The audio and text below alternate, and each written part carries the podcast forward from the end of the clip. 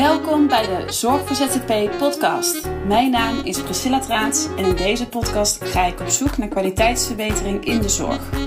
Dit doe ik door in gesprek te gaan met mensen uit de zorg, die als zelfstandige werkzaam zijn in verschillende branches.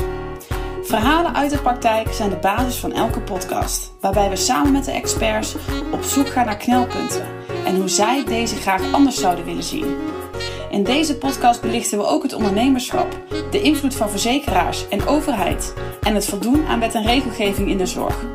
Ik wens je heel veel luisterplezier tijdens deze inspirerende talk.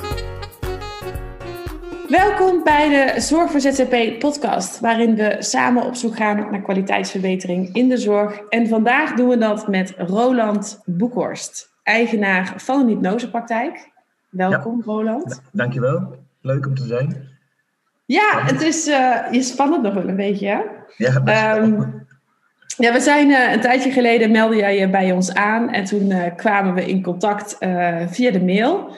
Ehm, A, omdat ik hypnose ook wel heel erg interessant vind. Ik vind het een hele interessante materie. Um, maar ook omdat jij reageerde op de nieuwsbrief over de zorgverzekeraars en de aanpassingen die daarin kwamen. En we waren een beetje op en neer aan het mailen. En toen vroeg ik aan jou, laten we eens samen een podcast opnemen. Want volgens mij kunnen wij hele mooie informatie delen aan andere ondernemers die ja, ook hiermee te maken krijgen. Ja. Um, maar misschien handig, um, wat doe je als, uh, als eigenaar van een hypnosepraktijk? Wat, wat, wat, wat, ben je dagelijks mee bezig? Nou, als eerste natuurlijk met werken, net zoals we allemaal doen natuurlijk. Ja. als hypnose ja, eigenlijk een expert, want ik ben een tot expert. Maar ben je bezig? ben bezig met mensen. Je bent bezig met problemen, je bent bezig met de kijk op de wereld, je bent bezig met emoties, je bent bezig met stoppen met roken. Um, je bent bezig om manieren te vinden om mensen te laten afvallen zonder dat ze ervaren hoeven die dieet, omdat ze dat toch niet volhouden. Je gaat zelfs dieper dan dat om te gaan zoeken van, eigenlijk komen de mensen bij mij die, die bijna aan het einde van hun baan zijn met een probleem die ze niet meer uit kunnen komen. En die komen dan eigenlijk als hypnotiseur als laatste redmiddel. Dan krijg ik vaak heel vaak van ja, jij bent mijn laatste redmiddel, want hierna kan ik nooit meer wat doen. En dan zeg ik altijd, oh, oh, oh, wacht even, want je hebt een hele zware verantwoording bij mij neer, want ik moet het maar zien te redden. En dan krijg ik inderdaad best wel extreme vragen. En uh, PTSD zit er natuurlijk bij, uh, angstverwerking zit erbij, emotieverwerking zit erbij. Nou, eigenlijk alles wat ons bezighoudt met emoties, wat gebeurt uit het brein? Daar ben ik eigenlijk mee bezig. En, dat is en waarom kiezen mensen dan voor hypnose? Wat is. Um, ik zal misschien uitleggen, ik heb het ook ooit gedaan. Heel ja, een aantal jaren geleden, of heel wat jaren geleden, was ik zo stom om ooit ook te beginnen met roken. En dat vond ik verschrikkelijk. En ik heb volgens mij, uh, ik, mag ik mag mezelf denk ik wel bijna expert noemen in stoppen met roken. Want ik heb volgens mij alle methodes wel doorlopen. Ja. Um, en um, uiteindelijk heb ik dus inderdaad ook hypnose gedaan.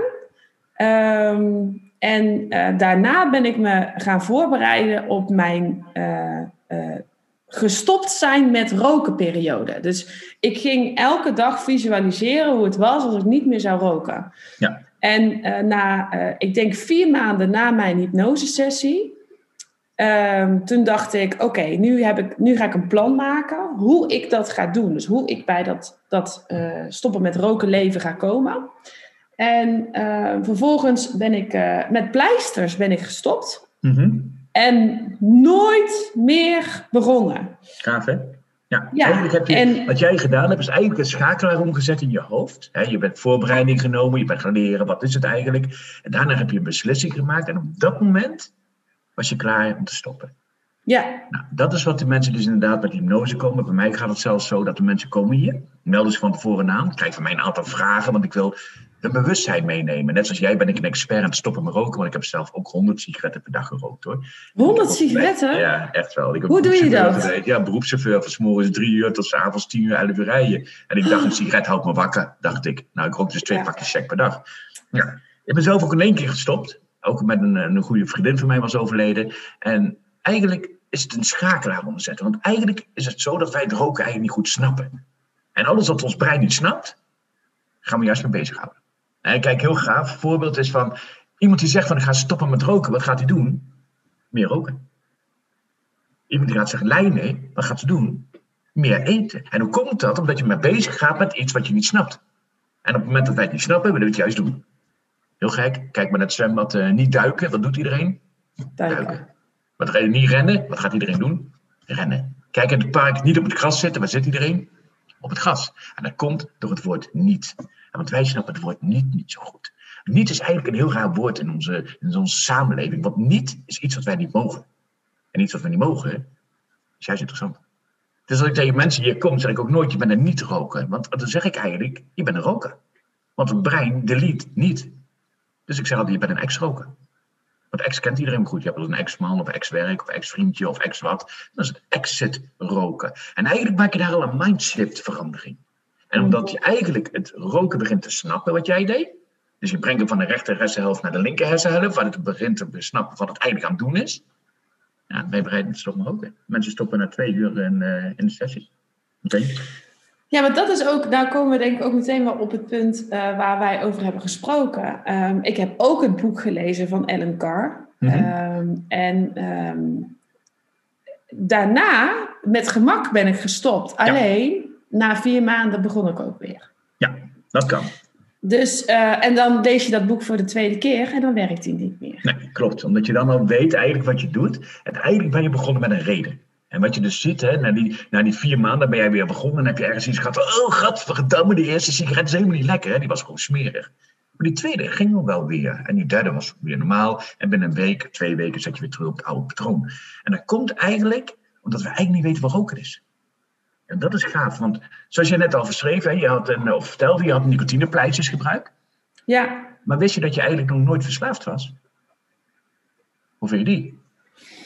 Ik heb uh, ooit begrepen dat je, zo, zoals ik het, zoals ik het toen, he, toen de tijd heb uh, begrepen, is het zo dat de nicotine zelf niet zozeer verslavend is, mm -hmm. maar dat we allerlei drogredenen hebben bedacht om het roken in stand te houden voor onszelf. Dus we hebben bedacht, het ontstrest, mm -hmm. het, um, het geeft plezier, um, mm -hmm. het is gezellig. Ja. En op een gegeven moment had ik inderdaad ook echt voor mezelf dat ik dacht um, ja, ik moet dus andere manieren zien te vinden om met stress om te kunnen gaan. Klopt. En, um, en dat is, uh, dat heeft, uh, dat, dat, dan ga je ook werken aan jezelf en je eigen persoonlijke ontwikkeling. Kijk, nogmaals, dit is voor mij echt jaren geleden ja, geweest, ik, omdat ja. ik gewoon uh, ooit heel dom ben geweest om eraan te beginnen. Maar op het moment dat je begint, dan stop je dus ook niet meer. Dus ergens ja. zit er wel een behoefte om het te blijven doen. Ja, ik zou ook vertellen en, waarom. Dat is veilig uit? Ja. Heel goed, want iedereen die er meeluistert, iedereen die denkt dat we verslaafd zijn aan de sigaretten. En als je heel goed kijkt, is dat eigenlijk niet waar. Er is een 10% verslaving en 90% gewoonte. Hè? Bij het opstaan, naar het eten, naar een sigaretje. En lekker als je s'avonds zit bij de gezelligheid, bij een pilsje, bij een borreltje. Allemaal gezelligheid. De meeste mensen roken 20 sigaretten per dag. Want er zitten er ook 20 in een pakje. Dat is natuurlijk uitberekend. Daarvoor zijn er 20. Als je heel goed kijkt, roken er s'morgens twee. S'morgens meteen begin je met de eerste en dan meteen de tweede erachteraan. En 18 over de hele dag, om de drie kwartier. Je kunt dus ongeveer uitrekenen hoe lang iemand op is. Dan kun je zien wat voor soort gebruiker het is. Heel gaaf om te zien is dat je dus 20 sigaretten per dag rookt. Ongeveer twee minuten doet met een sigaret. Dat je dus maar 40 minuten per dag rookt. Dat is dus 23 uur en 20 minuten niet. Als je daar nog eens slapen af te halen, 8 uur, nou heel gaaf, dan hou je nog steeds 15 uur per dag over wat je niet rookt. Heel ja, gaaf en ook niemand wordt s'nachts wakker. Niemand, niemand wordt s'nachts wakker. Niemand en denkt... s'nachts van, oh, ik moet roken. Nee, niemand. Iedereen stapt gewoon de vliegtuig in, niks aan de hand. Vliegt 10 uur lang tegenwoordig. Komt aan de andere kant, steken één voet buiten het vliegveld en is die er weer. Ja. Nou, heel gaaf om te zien dat eigenlijk roken niet zo anders is als eten. Eigenlijk zit er een heel mooi verband in. Want roken is namelijk nog nooit verslavend geweest. Want nicotine heeft geen verslavende gen. Iedereen die er een beetje verstand van heeft, is aan nicotine onderzoeken, zal zien dat nicotine geen verslavende gen heeft. Dus hoe raar is het dat wij naar de dokter gaan en we zeggen dokter, dokter, luister, ik wil stoppen met roken. En de dokter zegt, oh wat goed Roland, alsjeblieft, je hebt een doos met nicotinepillen. Um, begin te stoppen. Raar. Dus ik ben verslaafd aan heroïne en ik ga naar de dokter toe en zeg, dokter, ik ga stoppen met heroïne. Dan zegt hij toch ook niet tegen mij, je hebt een schaal met heroïne, succes. Nee. Hoe gek is dat de nicotinepleisters, die zijn niet eens medisch. Die zijn van Philip Morris, een sigarettenfabrikant. Ze zijn nog nooit medisch geweest, zijn nooit goedgekeurd geweest. Maar zijn wel verkopende winkel. Nou, heel gek dat nicotine eigenlijk niet de verslaving is. Dus hoe kun je winnen van iets wat er niet is?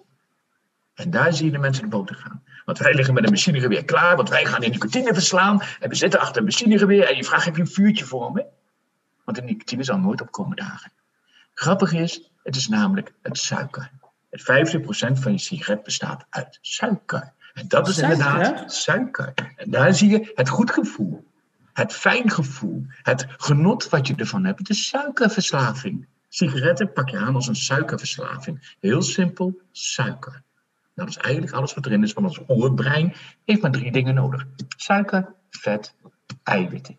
We zijn allemaal medische mensen hier, we weten allemaal dat het waar is. En wat doen ze in een sigaret? Suiker, eiwitten en vet. Want dat is precies wat ons breintje zoekt. En wij voelen ons even rot, we hebben een rotdag, we hebben even een moeilijke dag, we hebben een zware dag, we willen even een beloning. En dan is de sigaret daar, suiker. Mensen die stoppen met roken met zichzelf, moeten altijd heel goed oppassen, want die komen dik. Iedereen is bang om dik te worden. Hoe komt dat? Heel simpel. Dan kun je zien dat ik de waarheid spreek. Want op het moment dat jij stopt na 10, 20 jaar, ben je 10, 20 jaar jouw lichaam gewend om 20 keer per dag een pot suiker te nemen. En jouw lichaam is gewend om al dat suiker om te zetten in insuline. En dat doet hij al jaren voor jou. Perfect. Dus jij stopt met roken. is niet moeilijk, net zoals jij gedaan hebt en net zoals ik gedaan heb. Wat gaaf is, morgen zegt dat lichaam tegen jou van, hé, hey, schatje, Hé, hey, hallo lieverd, wat heb ik al die tijd voor jou gedaan? Ik heb al die tijd die suiker omgezet in insuline en je gaat op zoek naar suiker. Koekjes, snoepjes, lollies, kauwgom, noem maar op. Maar niemand gaat naar komkommer of sla of iets anders. Nee, allemaal naar suiker. Want dat is wat we zoeken. En dan word je dik. Logisch, want je hebt in één keer geen 20 rookmomentjes meer per dag. Je hebt 20 eetmomentjes per dag. En die mensen die dan tegenkomt, die dan zeggen: Oh, ik zit er helemaal doorheen. Hè, zitten te trillen helemaal. Oh, zie je wel, ik ben gestopt, zwaar verslaafd. Eigenlijk hebben ze een hypo. Ze hebben gewoon een suikertekort. Geef ze een glaasje water, probleem is over. Nou, dat is dus de kracht van hypnose. Dat kan ik in je brein zetten. Dat is waar, juist, waar we juist op werken om juist anders te laten zien dat het werkelijkheid is. Of een werkelijkheid is. Zoals een sigaret werkt. Want als je begrijpt hoe een sigaret werkt, dan zit er veel meer in, maar dat vertel ik altijd op de sessies dan ben je bereid om los te laten. Want hoe gek is het dat jij, jij je bent een jonge dame, dat je naar de winkel ging. Je koopt iets van tegenwoordig 15 euro, geloof ik. Waar je dood aan gaat. Wat is mis? nou, daar kun je dus heel goed voelen hoe gek dat voelt. Voor de rokers die er onder ons zijn, vraag je dat maar eens af. En dan kijk dan eens voor de gein hoe gek dat is. Dat jij eigenlijk naar de winkel gaat, je koopt een bus met rattengif en je neemt elke dag een lepel met rattengif. Dat is toch Ja. raar? Denk ik. Dus nou, dat zijn de mensen die komen dus bij de hypnotiseurs. En die zijn inderdaad in twee uur tijd gewoon gestopt. Of je nou 10 jaar rookt, 20 jaar rookt, 40 jaar rookt. Ik heb zelfs iemand gerookt, gestopt, die was 75. Die is gewoon gestopt. En dus ze voelt zich geweldig. Ze zegt, nou, ik ga 100 worden. Nou, geweldig toch? Ik bedoel, hoe mooi nieuws wil je hebben? Nou, dat is eigenlijk een stukje roken. Dat is heel, heel bizar. En wat is het ehm, slagingspercentage? De slagingspercentage op het moment met stop met roken op korte termijn, dan praat ik eerst even over het eerste moment. Hè. Dus de nicotine is met drie dagen uit je lijf en na twee weken zit je, je, je eh, suikerlevel weer normaal. Dan praat je over het eerste half jaar 93% stopt met roken. Zo. Ja, dus ik heb Dat eigenlijk een is slagingspercentage van 93%. Die is hoog hoor. Er zijn ook mensen die niet slagen. Natuurlijk zijn die er. Die, die, die bied ik ook al de tweede sessie aan zonder dat ze het weten, want daar bouw ik in. En dan ga ik wat dieper zoeken van, oké, waarom heb je die peuk gepakt dan? Wat is er gebeurd? Wat heeft het je gebracht? Om dan nog meer bewustzijn te krijgen. En je hebt mensen die hypnose gebruiken om bij hun familie te kunnen zeggen, nou, ik heb het geprobeerd, maar het werkte niet. Ja, zie je wel, niks helpt mij, ik ben zwaar verslaafd. En die houden zich eraan vast en daar betalen ze graag voor. Ja, oké, maar die zijn dan dus ook niet echt intrinsiek gemotiveerd om echt te stoppen. Het is meer Na een jaar een, kan ik eh, zeggen dat eh, nu 70% tot 80% bij mij nog steeds geslaagd is. Kijk. Dat is best. En dan eh, gaan mensen toch, gaan mensen dan ook snoepen?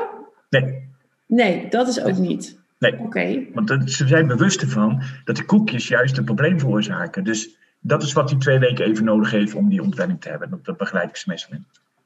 Oké, oké. Dus het is eigenlijk een soort van bewustwording die jij als een zaadje plant en die gaat groeien, waardoor iemand zijn leefpatroon kan wijzigen. En dat kan dan bijvoorbeeld zijn stoppen met roken. Maar Ja. je behandelt ook mensen met overgewicht of die graag Ja. willen afvallen. Dus het, dezelfde methode gebru- eh, wordt gebruikt voor verschillende doeleinden. Ja, alles wat in je brein zit, zijn plaatjes. We zijn allemaal plaatjes denken. Je hebt mensen die radicaal denken, die kunnen niet denken in plaatjes. Maar elk mens kan in principe denken in plaatjes. En als ik tegen jou zeg, uh, denk eens aan een auto. Wat zie je dan? Zie je dan een auto of zie je A-U-T-O? Je ziet een auto. En als ik daarop ja, doorpraat, zie je zelfs de kleur, zie je de knipperlichten aan en al die dingen meer. Het is net wat ik over verteld heb, dat je brein ziet dat. En heel gaaf, alles wat dus plaatjes zijn, kun je dus veranderen. Door een ander plaatje. Door een ander plaatje. Om door een plaatje te veranderen. Ik hou niet van zwart. Oh, ik vind zwart vreselijk. Ik vind zwart zo rotkleur. Alle auto's zijn zwart. Dan laat je toch alleen maar naar witte auto's kijken. Zie je alleen maar witte auto's. Of rode, of groene. Maar geen zwarte. Ik vind het wel bijzonder, um, want we hebben het ook al even kort over gehad. Um, jij reageerde op mijn mail omdat um, uh, de, de, er zijn, bij onze leden zijn er meer mensen die zeggen: Ja, weet je, die, die zorgverzekeraars, ik wil daar eigenlijk van weg. Ik wil, ik wil eigenlijk helemaal niet um, ja, me zo belemmerd voelen als ondernemer en, en als zorgverlener om hè, uh, alles te doen wat zij hebben voorgeschreven. Maar aan de andere kant, zij zorgen ook voor een aanwas van cliënten. Ja. Het biedt een soort van, voor sommige ondernemers, een, een zekerheid. En jij reageerde op mijn e-mail over de zorgverzekeraars um, van uh, dat het heel raar is dat bijvoorbeeld, ik hoor jouw slagingspercentage. Als ik jouw verhaal hoor, dan denk ik, ik zou het liefst willen dat er een heel leger van jou zou zijn, die alle verzorgingstehuizen langs zou gaan en alle mensen die boven 60 zijn en die nog roken, dat we die allemaal van het roken af gaan helpen. Want volgens mij is roken uh, naast uh, een aantal andere ziektes toch wel doodsoorzaak nummer één. Ja. Eén op de twee ehm, rokers sterft aan roken. Ja. Dus het is een, het is een serieus probleem. en, mm en, en toch, jij reageerde, toch kiest, uh, heeft onze zorgverzekeraar daar niet een heel hoog prioriteit aan gegeven. En hebben ze zelfs aangegeven dat er één um, manier toegestaan is uh, binnen de verzekering. Hoe zit dat? Nou, de bedrijfsvereniging of de, de zorgverzekeraars hebben gezegd, van het Rijk heeft gezegd, roken wordt in het basispakket wordt dat aangeboden door doktoren. Nou, op zich prima. Hè? Hoe meer mensen stoppen met roken, hoe beter is. Dat ben ik helemaal met je eens. Ik heb liever dat heel Nederland niet meer rookt, want dan raken we allemaal mensen juist beter. Want het is voor mij niet uh, het zeer omdat ik mijn geld moet verdienen, maar het is mij om mensen te helpen. Dat is mijn eerste doelstelling van mijn vak. Gaaf is wat ze toen deden, was heel grappig. Ze bieden het gratis aan. Maar het kost je een stukje van jouw premie natuurlijk. En heel veel mensen die weten, is dat het ongeveer 400 euro per stoppoging gaat opleveren voor het bedrijf. Nou, wat doet een dokter? Jij komt bij de dokter en die zegt tegen de dokter, dokter, wil stoppen roken. En die dokter denkt, oh gaaf, 400 euro. En dan zeg ik niet zeggen dat iedere dokter zo is hoor. Laten we dat voorop stellen, want die mensen werken ook met hun hart. Maar die zien dat geld.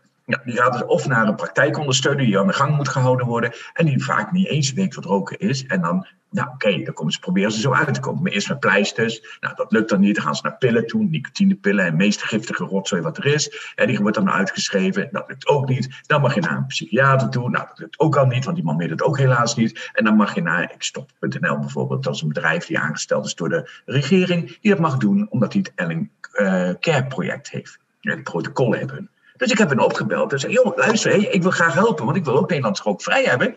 Gaaf, gaan we doen. Nou, dus ik zeg: geef mij dat Ellen Kerk project, hè, dat het protocol.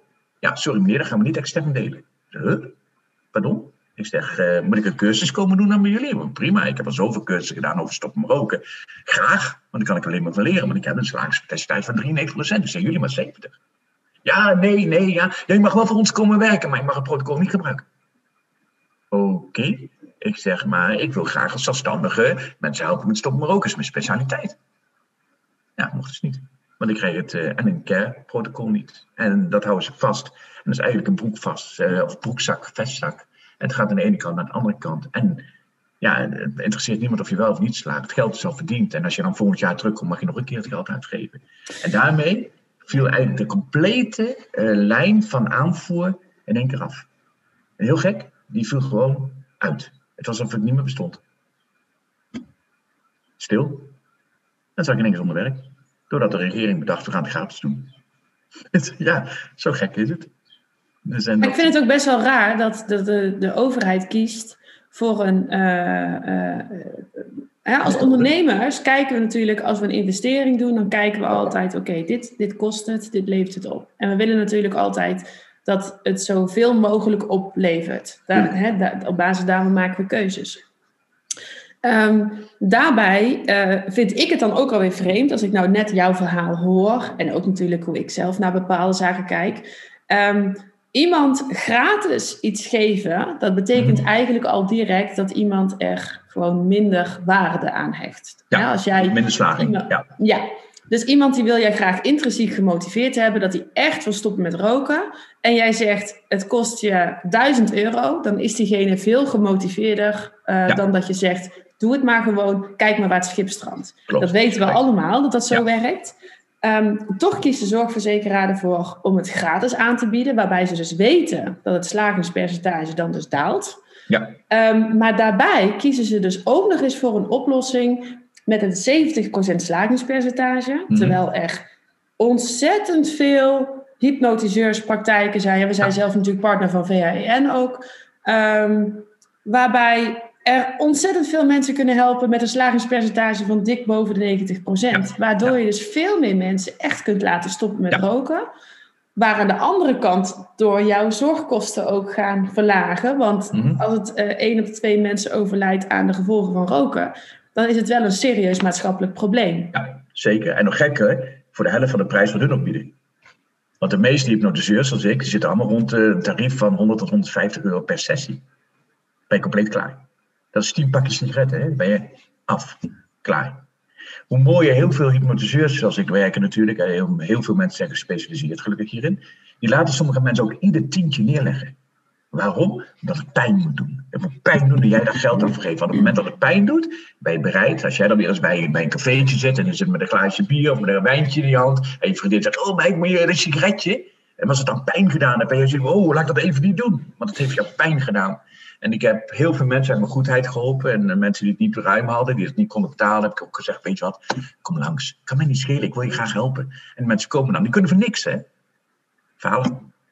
Toen ik een vrouw hier een keer, die was die had drie kindjes thuis, was, eh, was gescheiden, allemaal problemen, alimentatieproblemen. Had gehad, eigenlijk helemaal niks. Ik zei, ah meid, weet je, je kan het er ook helemaal niet missen met je kinderen, kom maar langs. Dan zou je denken, een groot belang, want de kinderen moeten vooruit, moeten naar school, moeten kleertjes hebben. Dus de vrouw komt. En ik had dat toch niet verteld. En ik had de sessie helemaal gedaan. Nou, alles was compleet. De traantjes, alles was compleet. De hypnosesessie was ook helemaal mooi. En ik had een goed gevoel erbij. Ik zeg, weet je wat meid, gebruik die 150 euro maar lekker voor de kleertjes te kopen voor je kinderen. En ze is naar huis gegaan. Een week later belt ze me op, zegt ze gewoon dat ik rook meer. Ik zeg, bedoel? Ja, zegt ze, ik, ben, ik heb er een opgestoken en ben ik weer terug in het ritme. Ik zeg, kom nog eens langs dan. Dus ze komt nog eens langs en ik laat er gewoon de volle pond betalen. Echt een volle pond, hè, 150 euro. En die laat ik echt neerleggen met briefjes van vijf. Hè. Nou, je zat de tranen in de ogen staan. Ja, en ik heb meegenomen. Ze is naar huis gegaan. Ik heb haar na een maand gebeld. Ze gaat Ze oh, fijn, ik ben gestopt met roken. En zo gelukkig en zo blij. Bla, bla, bla. Twee maanden nog eens een keer gebeld. Nog steeds gestopt. Ja, nog steeds gestopt. Ik voel me geweldig. Drie maanden, vier maanden, vijf maanden. Zes maanden later heb ik het geld teruggestort. Toen denk ik van, nou, ik hoef het niet te hebben. Het was alleen maar voor jou om die, om die maximaal power uit te halen. En toen was het gelukt. Ja. Nou, toen was ze hartstikke blij. Toen kon ze met de kinderen naar de kermis. Nou, prima. En dan is mijn missie geslaagd. En dan denk ik, wauw, dat is toch mooi om dan zo te werken. Maar geef ik het dus gratis? Is niks. Hoe komt dat? Kun jij uitleggen? Want ik, ik, ik, ik merk het zelf bijvoorbeeld ook. Als je ehm, vanuit je hart, en ik denk dat heel veel mensen die hebben gekozen voor de zorg, dat ze het liefst alles van zichzelf zouden willen geven om de ander maar te helpen. Dat zit echt in, dat, ehm, ja, in, het, in het helpen wat ze graag willen. Ehm, en toch werkt het in de praktijk niet zo. Ik merk het zelf ook als ik dingen uh, gratis weggeef of veel te goedkoop. Of uh, dat de waardering voor hetgeen wat je dan levert, ja, um, is gewoon weg. Heeft dat iets te maken met de werking van ons brein? Eigenlijk wel. Het komt mij uit het verleden. Alles wat gratis kan niet goed zijn, hebben we vaak geleerd. Hè?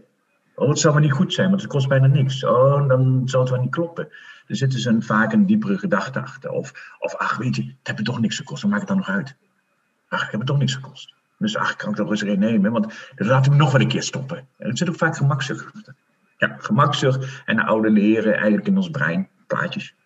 Emoties. Maar een ander voorbeeld, uh, iemand, uh, een ZZP'er in de thuiszorg, mm -hmm. die drinkt uh, stevast bij al haar cliënten toch dat extra kopje koffie, doet toch nog even dat extra klusje in huis. Terwijl daar eigenlijk geen tijd voor is, dus ook mhm. geen geld voor is. Dus je krijgt er niet voor betaald. Hoe is de waardering daarop? Als je het, zou je het dan elke keer moeten benoemen? Van, goh, mijn tijd zit erop, maar ik doe dit nog even extra voor jou. Of ehm, moet je daarin toch wat strenger zijn? Het ligt aan je ego. Het ligt niet bij jij. Hoe zit jij in je vel? Bij iedere hypnosesessie, als jij stel je voor dat jij bij mij zou komen, voor stond maar ook bij jou gelukkig, maar stel je voor dat je zou komen en ik kom erachter dat je een diepliggende emotie hebt, die jou in de weg zit en die ik zo mee kan nemen, zou ik zo voor je meenemen. Die zou ik dus zeg maar even met je doorspreken en die zou ik dan nog oplossen. Maar ik heb ook collega's die zeggen van ja, nee, sorry, maar dat is een aparte sessie en uh, ik merk dat je een trauma hebt, dus je moet voor een trauma terugkomen. Dat is de manier waarop je in je, in je werk staat, denk ik. Ik denk, ja, ja ik denk, waar werk je voor, denk ik dan? Dan ga ik even terug naar de basis. Ik heb voor, voor dit vak gekozen. Sinds ben ik er eigenlijk een beetje in gegooid, maar eigenlijk, ja, ik ben verliefd geworden op hypnose eigenlijk. En, en waarom doe ik het eigenlijk? Omdat ik het een prachtige mooie tool vind om mensen te bereiken, om iets te schenken waarmee ik hun leven verleng. Want denk eraan, als ik kijk, ik heb gewoon een boel 800 mensen gestopt roken. Hè? Misschien wel 900 al. Die mensen heb ik allemaal een verlenging gegeven van hun leven. Ik heb al, al, duizend mensen aan helpen afvallen. Die mensen hebben een verlenging van hun leven. Hun leven is vele malen mooier geworden. Nou ze afgevallen zijn en op een doelgewicht gekomen zijn. Ik heb mensen, trauma's, die al twintig jaar met een psychiater lopen. Die er zo doorheen zitten. Die het niet meer zien zitten. En gewoon een einde denken van hun leven. Die haal ik er doorheen in, in één, twee sessies. Dat mensen echt gaan zitten kijken van... Wat de fuck, wat gebeurt hier nou weer? Nou, hoe gaaf is dat? Nou, mijn beloning is, is dat blije gezicht wat ik zie. Dat is natuurlijk mijn eerste beloning. En dat ik mensen kan bereiken. Maar er zijn mensen die kan ik niet bereiken. Die willen niet. Die kunnen niet. Of, of die willen niet geloven. Of, of nee, het is niet zo. Of het is kwakzalverij. Of, of het is alternatief. Want tegenwoordig zijn wij niet meer alternatieven. zijn ondersteunend medische diensten nu. En dat is, ja, dan denk ik van jongens, ik kan het niet zo makkelijk maken. Kom dan. Ja, nee, het kost wel 150 euro. Ja, nee, ja. Ja, dat kan ik eigenlijk niet uitgeven. Nee, maar je loopt al twintig jaar bij een psychiater. Waar wil je heen? Hoe zit dat met, uh, uh, want, want dit, vind, dit vind ik wel een heel mooi onderwerp. Want ik ben zelf, uh, ik begeleid ook ondernemers, juist om daarin ook realistisch en wat groter te durven denken. Mhm. Want hoe nobel en hoe mooi ik het ook vind dat we het doen om elkaar te helpen. Want het liefst zou ik, uh, van mij mogen de sigaretten verboden worden. Van mij ook. Um, ik denk dat het een illusie is dat het ooit gaat gebeuren. In ieder geval niet zomaar. Dus laten we dan maar gewoon met z'n allen stoppen. Uh, want als er geen sigaretten verkocht worden, dan stoppen ze vanzelf, denk ik dan maar. Ja. Um, en hoe mooi ik dat ook vind, toch is het wel zo, hoe meer mensen ik kan helpen, hoe beter het eindresultaat is. Mhm. Alleen als ik heel veel mensen uh, moet kunnen helpen, dan moet ik ook mijn business daarop inrichten. Dus moet ik ook mijn bedrijf zorgen dat het fundament van het bedrijf goed staat. Ja. Ik vraag wel eens aan ZZP'ers. Uh, laatst was het toevallig was ik met iemand in gesprek. Ook echt iemand die zei: ik, uh, ik financieel gaat het niet goed met me. Maar ik wil mensen helpen met een boodschap doen. Ik doe mensen helpen met wat klusjes. Mensen die het echt nodig hebben. En uh, ik reken daar 100 euro voor een dagdeel voor. Mm Oké. En toen vroeg ik, ik zeg, hoe ben je gekomen tot dat uurtarief? En het mhm. letterlijke antwoord was, geen idee. Ik, heb het, ik was ZZP'er in de thuiszorg, zei hij. Ik uh, ben dit gaan doen omdat ik graag mensen echt oprecht wilde helpen. En ik heb gewoon berekend van ja, hoeveel tijd was ik toen kwijt? Wat was toen mijn uurtarief? En, uh, ja, en daar heb ik dan 100 euro per dagdeel voor gemaakt. Toen zei ik, kan je daarvan leven en kun je daar je bedrijf mee verder uitbouwen, zodat je nog meer mensen kan helpen? Daar had hij nog nooit over nagedacht en hij woonde echt in een caravan. Oké, okay, dat niet. Um, nee, maar, maar snap je wat ik bedoel? Ja, ik, ja. ik, dat, dat, dat mensen willen helpen, dat zit echt in onze basis. Tuurlijk. Maar wat ik wel heel erg belangrijk vind, ja, is dat je ondernemers je zakelijke skills daar wel in gaat ontwikkelen. Want um, ook een heel mooi uh, perspectief, denk ik, of een hoe je, uh, perceptie van je bedrijf is. Um, als ik mensen help, dan, hè, dan doe ik het goed. Want dat, dan voed ik mijn eigen, mijn eigen bron. Dus dan doe ik het goed voor die mensen. Maar eigenlijk, als jij heel klein blijft denken, dan doe je ook heel veel anderen tekort. Ja, en dat moet je dus niet doen. Dus je blijft dus een combinatie zoeken van die twee. Dus de basis is, ik doe het uit mijn hart, anders kan ik niet werken. Maar nee. mijn tweede basis is, het is een bedrijf. Alles wat ik doe, is van tevoren uitgedacht. Alles wat ik gekozen heb voor vakken, voor mijn uh, masterklassen, zoals we dat noemen, heb ik gekeken op percentages en hoe ver is dat nodig en hoe vaak moet ik dat dingen doen. Als je mij nou aanbiedt van we gaan uh, bepaalde technieken doen die compleet niet lopen of compleet geen naam hebben, ga ik geen opleiding doen. Donder maar op. Dan ga ik wel naar EMDR toe. Dus ik heb gewoon netjes mijn EMDR. Ik heb zelfs vijf soorten EMDR's gehaald, omdat ik alleen maar kan zeggen, ja, maar ik heb EMDR. Waardoor het dus mensen kan helpen. Die zijn er meer vertrouwd. Daar zit meer geld in te halen. Afvallen is gewoon heel simpel. Het is gewoon het grootste probleem van Nederland. Ja. Dus als ik daarin ga specialiseren, heb ik klanten. Simpel. Stoppen maar roken was hetzelfde. Daar had ik gewoon klanten voor, want er is vraag naar. Dat is vraag is nu weggevallen door de regering. Maar je ziet nu heel voorzichtig, zie ik af en toe weer mensen terugkomen die bij de regering geweest zijn en die daar niet geslaagd zijn en dan toch naar mij toe komen. Natuurlijk is het verdienmodel. Ik zeg altijd, een derde is voor de belasting, een derde is voor, een, eh, voor de zaak en een derde is voor mezelf. En daar moet je mee rond zien te komen. En mijn bedrijf groeit. Ik heb een uh, 400 tot 600 cliënten per jaar. En ik wil nog steeds groeien. Ja. En ik zoek ook heel veel samenwerkingen, juist met andere technieken. Om bijvoorbeeld uh, ben ik bezig met een groot medisch centrum te ontwikkelen, want dat zit wel in mijn hoofd. Dat spreek ik ook al uit. En ik ben mensen aan het verzamelen om me heen om een heel alternatief medisch centrum aan te bieden, waar mensen die uit het normale, reguliere uh, ziekenhuis niet meer terecht kunnen, nog altijd kunnen gaan kijken van, goh, misschien is, is healing wel wat, of misschien is reiki wel wat, of, of is, een, is een massage wel iets, of is het hypnose, of is het, een, is het tekenen met weet ik veel wat. En we kunnen zoveel technieken gebruiken als het voor jou maar werkt. Nou, daar ben ik dus nu zelfs mensen aan het uh, verzamelen. Maar dan zie ik ook heel vaak mensen zeggen, ja, maar ik ben heel klein en ik vraag maar 10 euro. Huh? 10 euro, wat doe je nou dan? Kun je daarvan leven dan? En diezelfde les die jij mij gaf, die heb, of die jij mij net zei, wat jij zelf vertelde, had ik met een goede vriendin van mij die een grote praktijk had in Roland. Ik was heel blij met, met één mens per dag, weet je wel. En vijf per week. Wauw, ik draai toch fantastisch. Zij zei, oh, fantastisch, kun je daarvan leven dan? Uh, nee. Oké, wat heb je dan nodig? Nou, uh, zes? Nou, Roland zegt, ga je nou eens even denken? En ik denk, nou oké. Dus ja, oké, okay. eigenlijk heb ik 10 tot 15 nodig om te kunnen draaien met een praktijk. Je moet minimaal 1000 tot 1500 euro per week omzetten om een beetje normaal te kunnen leven. Dus ik heb daar eens naar gedacht en ik ben dus groot gaan denken wat jij zei. Ik was binnen een week was ik groot. Ik adverteer, ik ben een compleet bedrijf. Ik, ik maak mijn eigen PR, ik maak mijn eigen foto's. Nou, we gaan even een paar stapjes terug. Ik hoor nu iets heel belangrijks. Je, bent, uh, je hebt een keuze gemaakt, je bent groot gaan denken. Ja.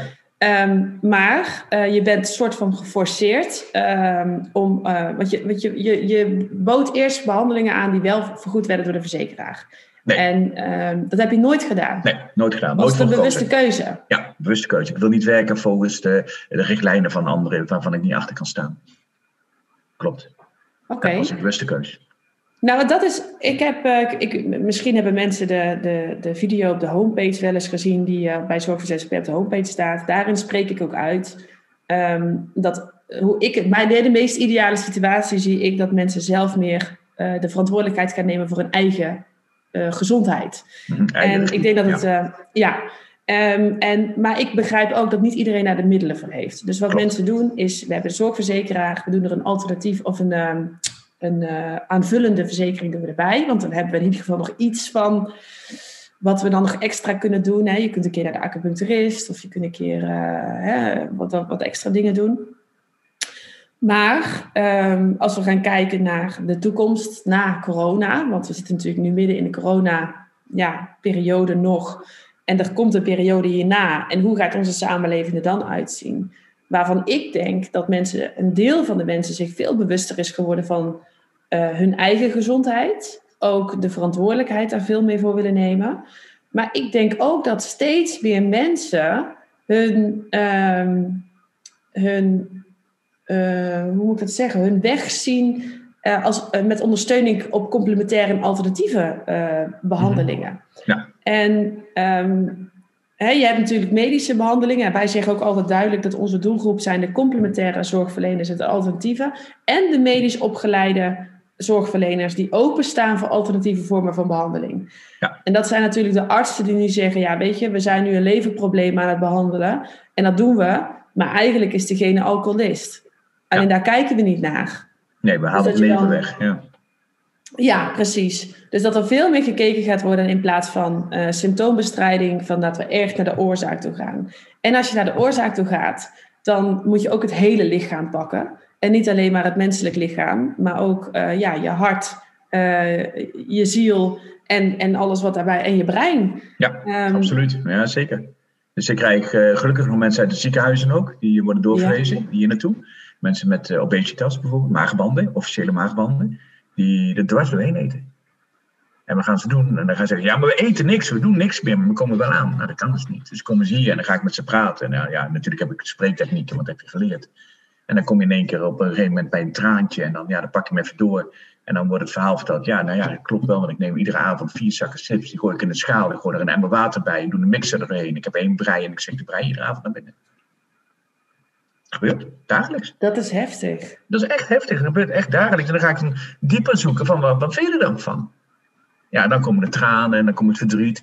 En dan kan ik dat vaak nog weghalen. En dan kan ik toveren natuurlijk, zeg ik dan altijd. En dan tover ik kijk dat de chips niet meer lekker is. En dat die brei niet lekker is. En dan eh, laat ik ze heel bewustwording van maken. Want dan heb je het weer. Bewustwording maakt geliefde geliefdes. Dat je graag wil uitvoeren. En dan geven ze in de toekomst van uh, een nieuwe toekomst. gaan ze inderdaad afvallen. Ja, dat komt echt maar wat ik nou jou hoor zeggen. Is zo'n persoon uh, die dan bij jou komt, omdat ze mm. dwars door de maagband heen eet, heeft een proces gehad voor de operatie. Want de maagband krijg je volgens mij niet zomaar. Nee. Um, en um, wordt er bijvoorbeeld ook psychisch gekeken naar de toestand? Ja, er wordt wel naar gekeken, naar die mensen. Maar hoe het aanslaat, heb je het weer. Wordt niet gecontroleerd. En als ik zo de mensen hoor, zitten ze er compleet naast soms ook goede bij natuurlijk, hè, dat ik voorop stellen. Maar die mensen die ik hier krijg, die hebben het psychisch niet begrepen. Dus eigenlijk hebben ze nog steeds hetzelfde probleem en een denkpatroon, waardoor het eigenlijk het probleem heeft veroorzaakt. Dan ga je inderdaad, wat je zegt, ik ga het probleem weghalen, dus ik haal een lever eruit hè, bij, bij een alcoholist. Maar kan wel alcoholist zijn. Ja. Dan kun je een beetje van alcohol afhalen, waardoor zijn leven herstelt. Lijkt een stuk makkelijker. Ja. Dus, maar dat is dus lastig om daar doorheen te komen, want daar zitten ja, belangen achter. Dus belangen, financiële belangen, kosten, plaatjes, verdiensten, verdienmodellen. Verdienmodellen. Ja, hele grote verdienmodellen, ja. ja helaas wel. Ja, ja. Ik ben het daar ook wel, uh, ik, denk, ik, ik weet niet of iedereen zich daar heel erg bewust van is, want um, het is natuurlijk vrij pijnlijk om te ontdekken dat niet iedereen uh, louter goede bedoelingen heeft. Nee. En dat kun jij zelf hebben en ik heb dat zelf natuurlijk ook. En Um, ondanks dat we allemaal ondernemers zijn, uh, willen we ook natuurlijk onze portemonnee, uh, die moet ook gevuld zijn. Want ook wij moeten gewoon leven en uh, terug kunnen geven, hè, onze bedrijven kunnen opbouwen. Um, maar inderdaad, wat je zelf ook zegt. Ik heb op een gegeven moment ook aangegeven, als je gaat kijken naar ons zorgsysteem, dan hebben wij een best ziek zorgsysteem. Het systeem is, ja, we, we hebben het aan de lijve ondervonden. Dat is niet alleen in Nederland, hè, dat is wereldwijd. Met, met de hele uitroep van de pandemie um, was het alleen maar omdat de druk op de zorg toenam. Ja. En nu zijn we 13 maanden verder en is er nog geen bed bijgekomen. Ja. Um, en nog steeds worden er externe um, maatregelen getroffen om maar weg te gaan bij het echte probleem. Ja. en worden er budgetten vrijgemaakt nu ook weer voor sneltesten, voor allerlei andere zaken. Proeven, evenementen, ja. Ja, en dan, maar daar is allemaal budget voor.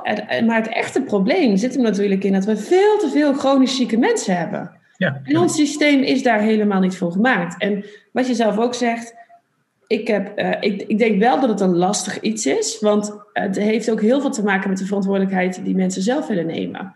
Mm-hmm. Want als jij, stel jij, ik ken niemand die obese is, maar ik uh, geloof wel dat het een, uh, de grondslag van zo zwaar worden niet per se te maken heeft met veel en lekker eten. Ik hou ook enorm van lekker eten. Maar er zit natuurlijk wel een psychische grondslag achter. Ja, niet altijd hoor. Soms zijn mensen ook echt aan het dooreten. Dat is heel maf. Dat ze bijna niet geloven, maar die hebben maar één frikadelbroodje niet genoeg. Moeten er zes hebben.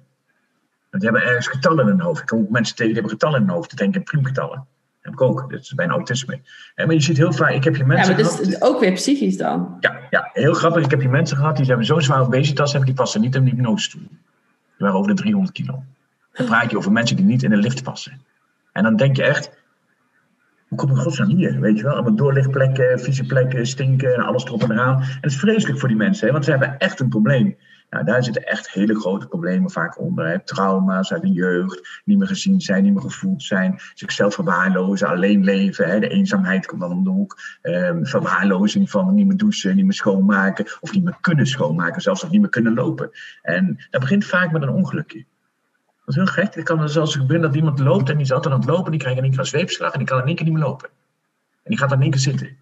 En dan gaat hij niet meteen naar 300 kilo, dat snap ik ook wel. Maar dan zie je dat er een soort patroon komt dat de televisie toch wel heel leuk is. En de computer is ook wel heel leuk. En, en de sociale wereld wordt wat minder prikkels. Dus het is ook wel lekker om veilig binnen te kunnen zitten. En ja, die mensen zie je dus heel snel groeien. Nogmaals, we hebben geen idee wat we eten. Hè? Want we hebben echt geen idee. Want als je kijkt wat een, hoeveel suiker er in de banaan zit. is er bijna meer suiker in de banaan dan in een glas cola hoor. Maar we eten met z'n allen. vinden we normaal. Als ik zeg, neem een glaasje cola, zeggen ze allemaal, oh, weet je hoeveel suiker daarin zit? Ja, dan hebben we een idee wat we eten dan? Nee. Helemaal niet. En onze, onze voedingsmaatschappij die wordt steeds groter. Waarom zijn het twee broodjes in de verpakking? Waar zijn er 100 gram zakken gebleven met de chips? Waarom zijn ze tegenwoordig allemaal 2,25? Waarom zijn het allemaal tegenwoordig 2 liter cola of anderhalf liter cola, wat vroeger maar één flesje was? Omdat alles verdienst is. Verdiensten, verdiensten, verdiensten. Waarom kom ik bij de Jumbo vier croissantjes voor een euro? Klinkt leuk. Waarom niet één croissantje voor 25 cent? Volume. Ik naar de Jumbo en ik nam één croissantje. En ik zeg tegen mevrouw, één croissantje. Zegt die mevrouw, je mag er drie gratis nemen. Ik zeg, maar ik hoef er geen drie.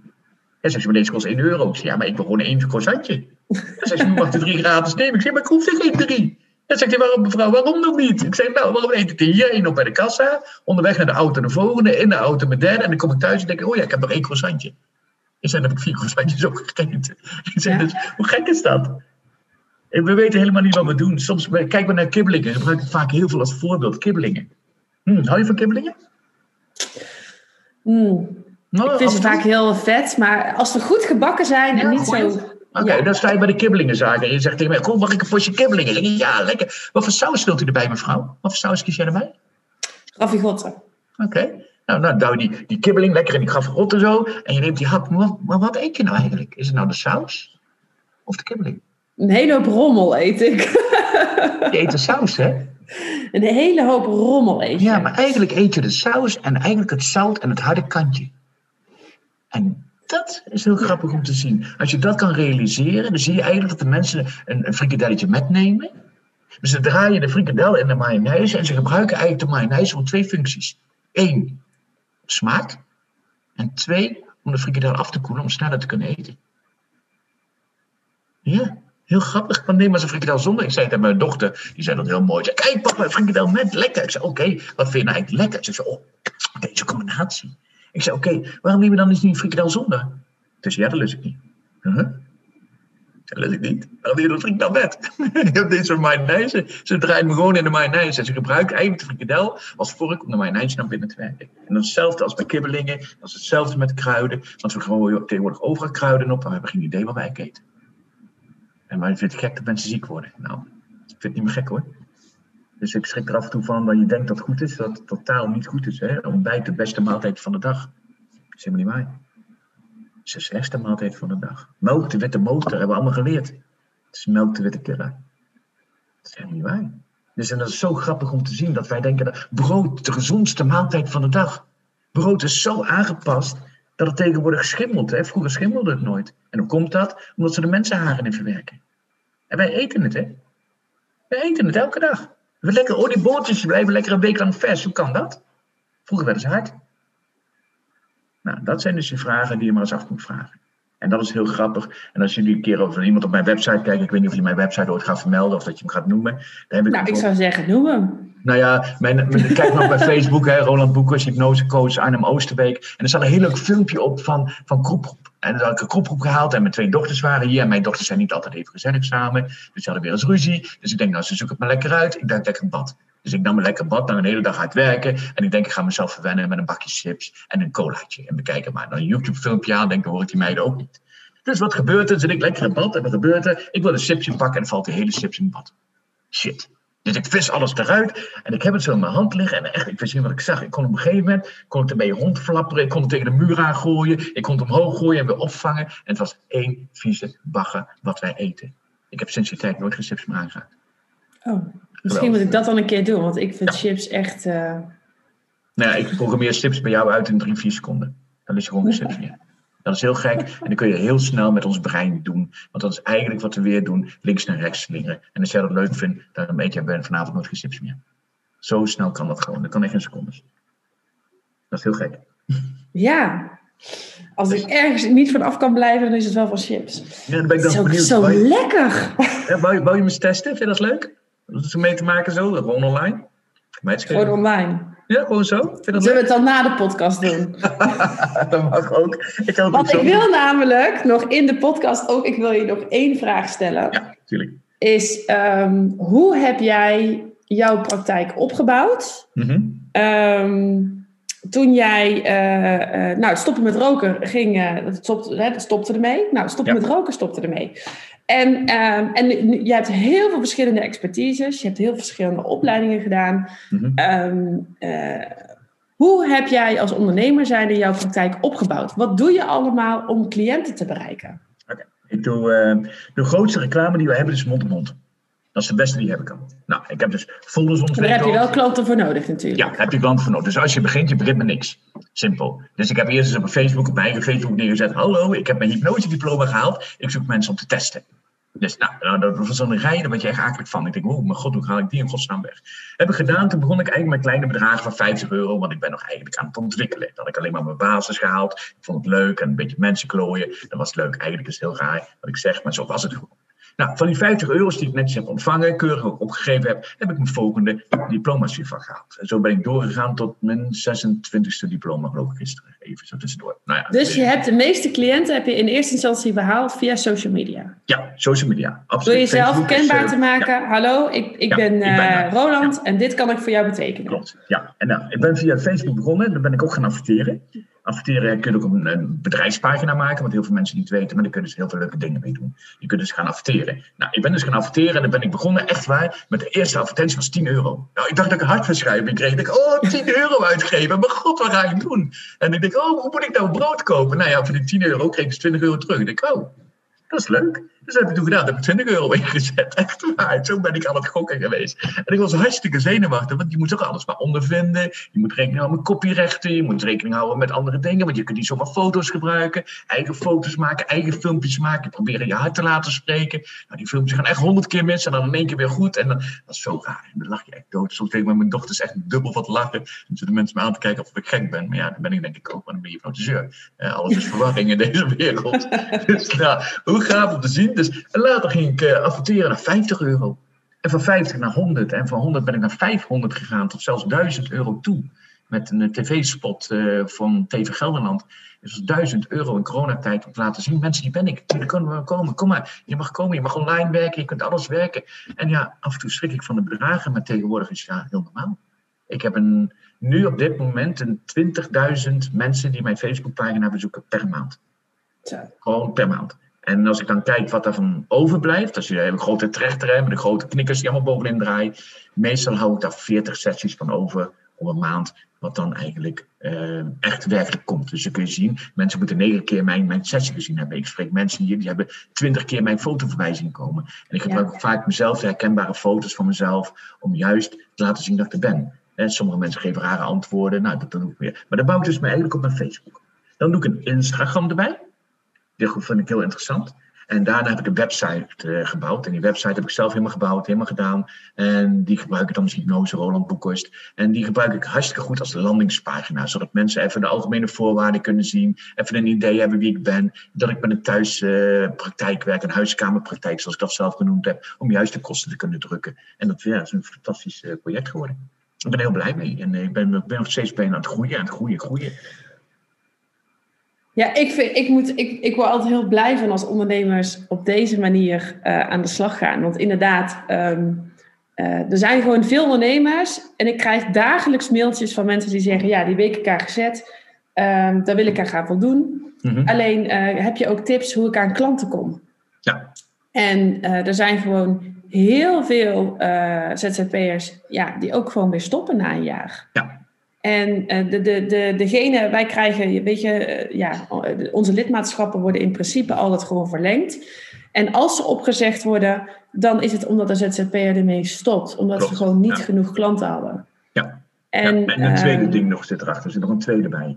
Want wat ik mensen ook heel veel leer, als ik jou in de reden mag vallen zo. Ja. Wat ik mensen ook leer, hoe ga je om met agressie? Hoe ga je om met cliënten die binnenkomen, die een andere bedoeling hebben als jij hebt? En er is bijna geen training in Nederland te vinden die daarover gaat. En ik kom uit de museawereld. Ik ben altijd restaurateur geweest in een prachtig mooi museum. En dat heb ik 26 jaar gedaan. Maar dat was ik ook hoofdveiligheid. En ik ben dat gewend. Ik weet hoe ik met mensen omgaan. Ik weet hoe ik ze minst Ik had hier een man, een heel gek voorbeeld. En die lieve man hoor, prima. En ik kom van een probleem. En ik wil het probleem bij hem oplossen. En die man begint zich te kleden. Dan zit je wel met een probleem. Dan zit ik wel met iemand die zich begint uit te kleden op de bank. Dan denk ik, wow, wat de fuck, wat moet ik nou weer doen, weet je wel? Dus nou ja, er was ook nog eens een man van twee meter hoog en twee meter breed. En ik ben zelf niet zo groot. Maar ja, ik heb wel een grote mond natuurlijk. En ik heb een brein mee. Dus dat scheelt. Dus ik heb hem dus echt, echt de deur uit moeten zetten. En dan, maar wat was de reden dat hij dat deed dan? Nou, hij vond me wel een lekker ding, zei hij. Dus, uh, dus ja, nou, dat, dat heb je dus een probleem. Hè? En als vrouw zijnde, want de meeste van mijn collega's zijn vrouwen, ja, die leer ik dus inderdaad trucjes van, jongens, denk eraan, zorg voor je veiligheid. Als eerste, ik zal me van hele gekke noemen, zorg altijd dat die cliënt voor je loopt. Nooit achter je, want je weet niet wat je in huis haalt. Zorg altijd dat hij voor je loopt. En heb altijd je telefoon in je kontzak. Altijd. Zorg daarvoor. Want als er wat is, ga naar de wc, pak je telefoon, bel 112 en vraag hulp, want je kunt het niet alleen aan. Maar dat is ook natuurlijk omdat jij vanuit huis werkt en je ook mensen echt uh, thuis ontvangt. Ja. Uh, we zijn het afgelopen jaar veel meer online gaan werken. Ja. Is daar voor jou ook een online verdienmodel bijgekomen? Heb ik geprobeerd. Ik heb mensen inderdaad uh, uit Amerika geholpen, Nieuw-Zeeland, Australië. Dus daar kun je nagaan hoe groot we eigenlijk werken. Het kan prima. Ja. Hypnose kan online fantastisch. Maar mensen hebben toch zoiets van, nee, ze willen het meemaken, want ze zijn bang dat ze er niet meer uitkomen. Of dat de verbinding verbruikt, dat ze erin zullen blijven. Of dat ze, ja, dat is, is dat een beetje mensen... het Rasta-Stelli-principe, dat mensen denken dat ze... Heel ja. veel mensen hebben angst gekregen door een Rasta-Stelli. Mensen gingen allemaal naar die shows toe, vonden het allemaal prachtig als mensen als kip zonder kop liepen, maar kregen meteen daarbij een angst. Ja. En wat ik bij elke dag hoor in mijn praktijk is, je bent er niet de die Stelli. Ik zei, nee, maar ik wel hetzelfde, ik heet ook Roland. Weet je wel? En eh, ik kan dat ook. Want hop, doe eens even tok tok. Ze hebben dat vast gehad. Ben je vast kip geweest. En dan maken er grapjes van. Maar heel veel mensen hebben er angst voor gekregen. Want ze zijn bang dat ze complete controle verliezen. En dat is helemaal niet waar. Juist niet. Geef je voor het eerst van je leven is echte controle. Want ik zeg ook tegen de mensen. Als jij zo'n controle had. Hè, waarom ben je dan 140 kilo? Je hebt toch controle? Tell me. Nou, en dan, dan zie je mensen wel even van, oeh, oeps, ja, eigenlijk heb je gelijk, want ja, ik ben zelf de oorzaak. Dus is hypnose een, uh, een quick fix of is hypnose een startpunt? Ik denk een startpunt voor een nieuw patroon. Ik denk als je. Ja, ik denk dat er wel een startpunt is voor een nieuw patroon, omdat je een nieuw patroon leert. En als je aan een nieuw patroon blijft houden, is er een verandering zonder dat er een eigenlijke verandering is. Want alles wat je doet wat normaal is, is altijd al normaal, is geen verandering. Dus als jij in je brein een nieuw patroon kan zetten, omdat je kritische factor omzeild wordt, want dat is eigenlijk wat we doen, heb je eigenlijk een nieuw patroon. Dus als jij 21 dagen rechtsaf loopt, zul je 21 dagen rechtsaf gaan. Dan zet ik jou 21 dagen linksom, zul je 21 dagen na 21 dagen automatisch linksom gaan. Ja, wat ik. Kijk, ik ben zelf best wel een fan van uh, alternatieve vormen van behandelen. En dat betekent niet dat ik medische, de medische wereld niet vertrouw of niet geloof. Alleen net wat je er straks ook aangaf, ehm, waar ik uh, persoonlijk uh, niet meer achter sta, is dat er altijd heel snel gekozen wordt voor een labmiddel. Mm hè, mensen die, uh, als, als ik zie hoeveel antidepressiva er voorgeschreven is en voorgeschreven wordt, ik heb het zelf, ehm, ja, in mijn video hoor je het ook, ik heb het zelf ook uh, geadviseerd gekregen toen ik een burn-out had. Ehm, dan ben je helemaal op, maar dan ben je niet depressief. dus er is ook heel weinig, uh, ja, het is ook gevaarlijk, want het is heel uh, verslavend. En de begeleiding is eigenlijk nihil. Nul. En ja, dus ik, um, en je hoort steeds meer huisartsen ook, hè? want huisartsen hebben natuurlijk een hele andere functie erbij gekregen omdat ze nu eigenlijk ook fungeren als poortwachter. Mhm. En zij moeten mensen doorverwijzen.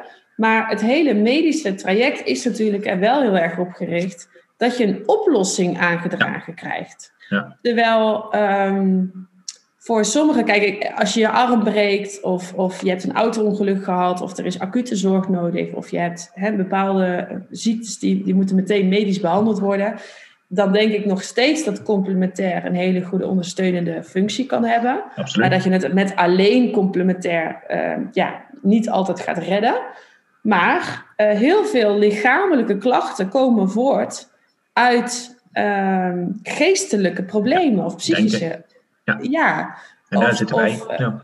ja, dus we zorgen slecht voor ons lichaam. Maar waarom doen we dat? dat die, die antwoorden die gaan, we vind, die gaan we niet vinden in in eh, alleen maar praten met psychiaters en met pilletjes slikken. Nee, dat snappen hoe je brein werkt. Ja. ja. En Wat heel grappig, het... heel mooi ziet daarin, hè? mensen die in de ouderenzorg werken, die zeggen vaak ook van, nou, die ouderen zijn heel veel lieve ouderen bij je, laten we dat vooropstellen. Maar zeggen ze ook eens, oh, ze zijn zo zaggerijnig, weet je wel. Oh, altijd weer dat zaggerijnigheid. En dan, komen ze hier en dan komen ze bij mij en zeggen, ja, ik, werk in de ouderenzorg, altijd een zaggerijn, ik ben dat een beetje zat. Dan zeg ik, ja, maar eigenlijk zijn die mensen niet zagrijnig geworden. Want eigenlijk zijn wij allemaal, alle mensen in de wereld, zijn negatief. Zo zijn wij opgegroeid, dat moeten wij hebben, omdat we anders niet op gang komen. Want toen jij vroeger op school was in DDT, wat zei je leerkracht dan? Oh, je hebt de zes fout. Maar je zei niet dat je de 240 goed had. Nee, altijd zes fout. Want wij kijken naar fouten. Daar zijn we heel goed in. Hè? En heel gaaf is om te zien dat mensen zoals wij, wij hebben een, een, een doel, we hebben een, een stip op de horizon. Wij willen nog naar iets bereiken. En wij hebben de luxe om vriendelijk te mogen zijn. Om aardig te mogen zijn, om samen te werken, want we doen elkaar geen pijn. Maar als je oud bent en je bent in je laatste fases waar die mensen dan zitten, is er vaak geen stip meer op de horizon. En omdat de stip op de horizon vervalt, vallen ze eigenlijk terug in wat we eigenlijk allemaal zijn. Negatief. ons brein is negatief. Want als jij niet negatief zou zijn, meid, stap jij over en stap je die de weg over zonder te kijken. Want dan hoef je niet te kijken. Dan ga je wel voor je donder. Heel simpel. Je hebt het nodig om je scherp te maken, om jou in beweging te zetten. En dat is vaak wat mensen ook zeggen over uh, onzekerheid. Ik wil mijn onzekerheid kwijt. Juist niet, maak hem sterker, want die maakt jou, die maakt jou scherp, die houdt jou, die houdt jou bij, laat je leren, je, ga je leren, want je wilt er meer van weten en je wil weten hoe dat zit. En dat is juist een van de mooiste eigenschappen die wij als mensen hebben, onzekerheid. Ik ben voor elke sessie onzeker.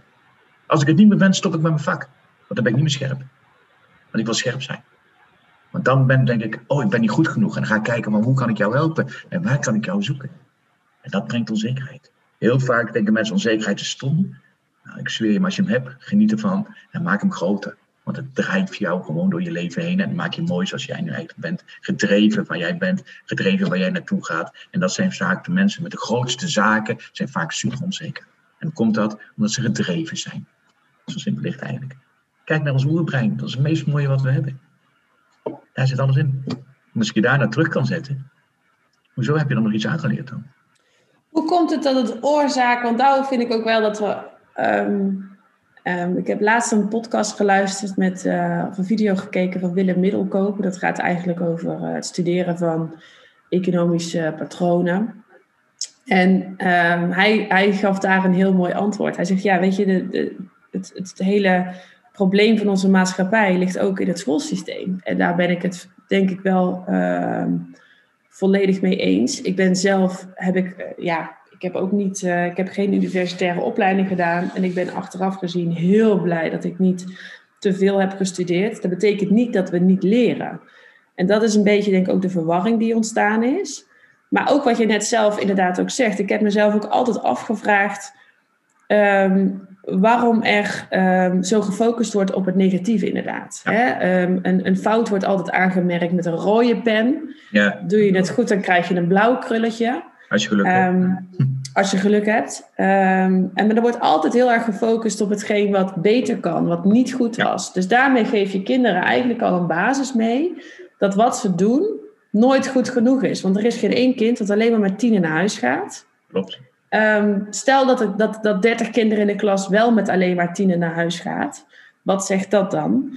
Um, ook niks. Dus uiteindelijk denk ik dat ons schoolsysteem is natuurlijk heel erg gebaseerd op het, op het uh, maken van, van mensen die klaar zijn voor de arbeidsmarkt. Ja. Maar dat willen we nu niet meer. We willen als mens zijn, willen we onze ziel bevredigen. We willen, ons we willen onszelf ontwikkelen. We willen vrijheid ervaren. We willen iets betekenen voor de wereld. We willen iets doen voor de wereld.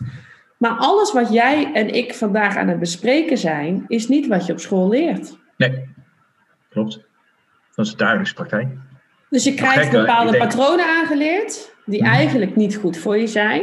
Die je dus als je later oud bent, weer moet gaan afleren. Klopt.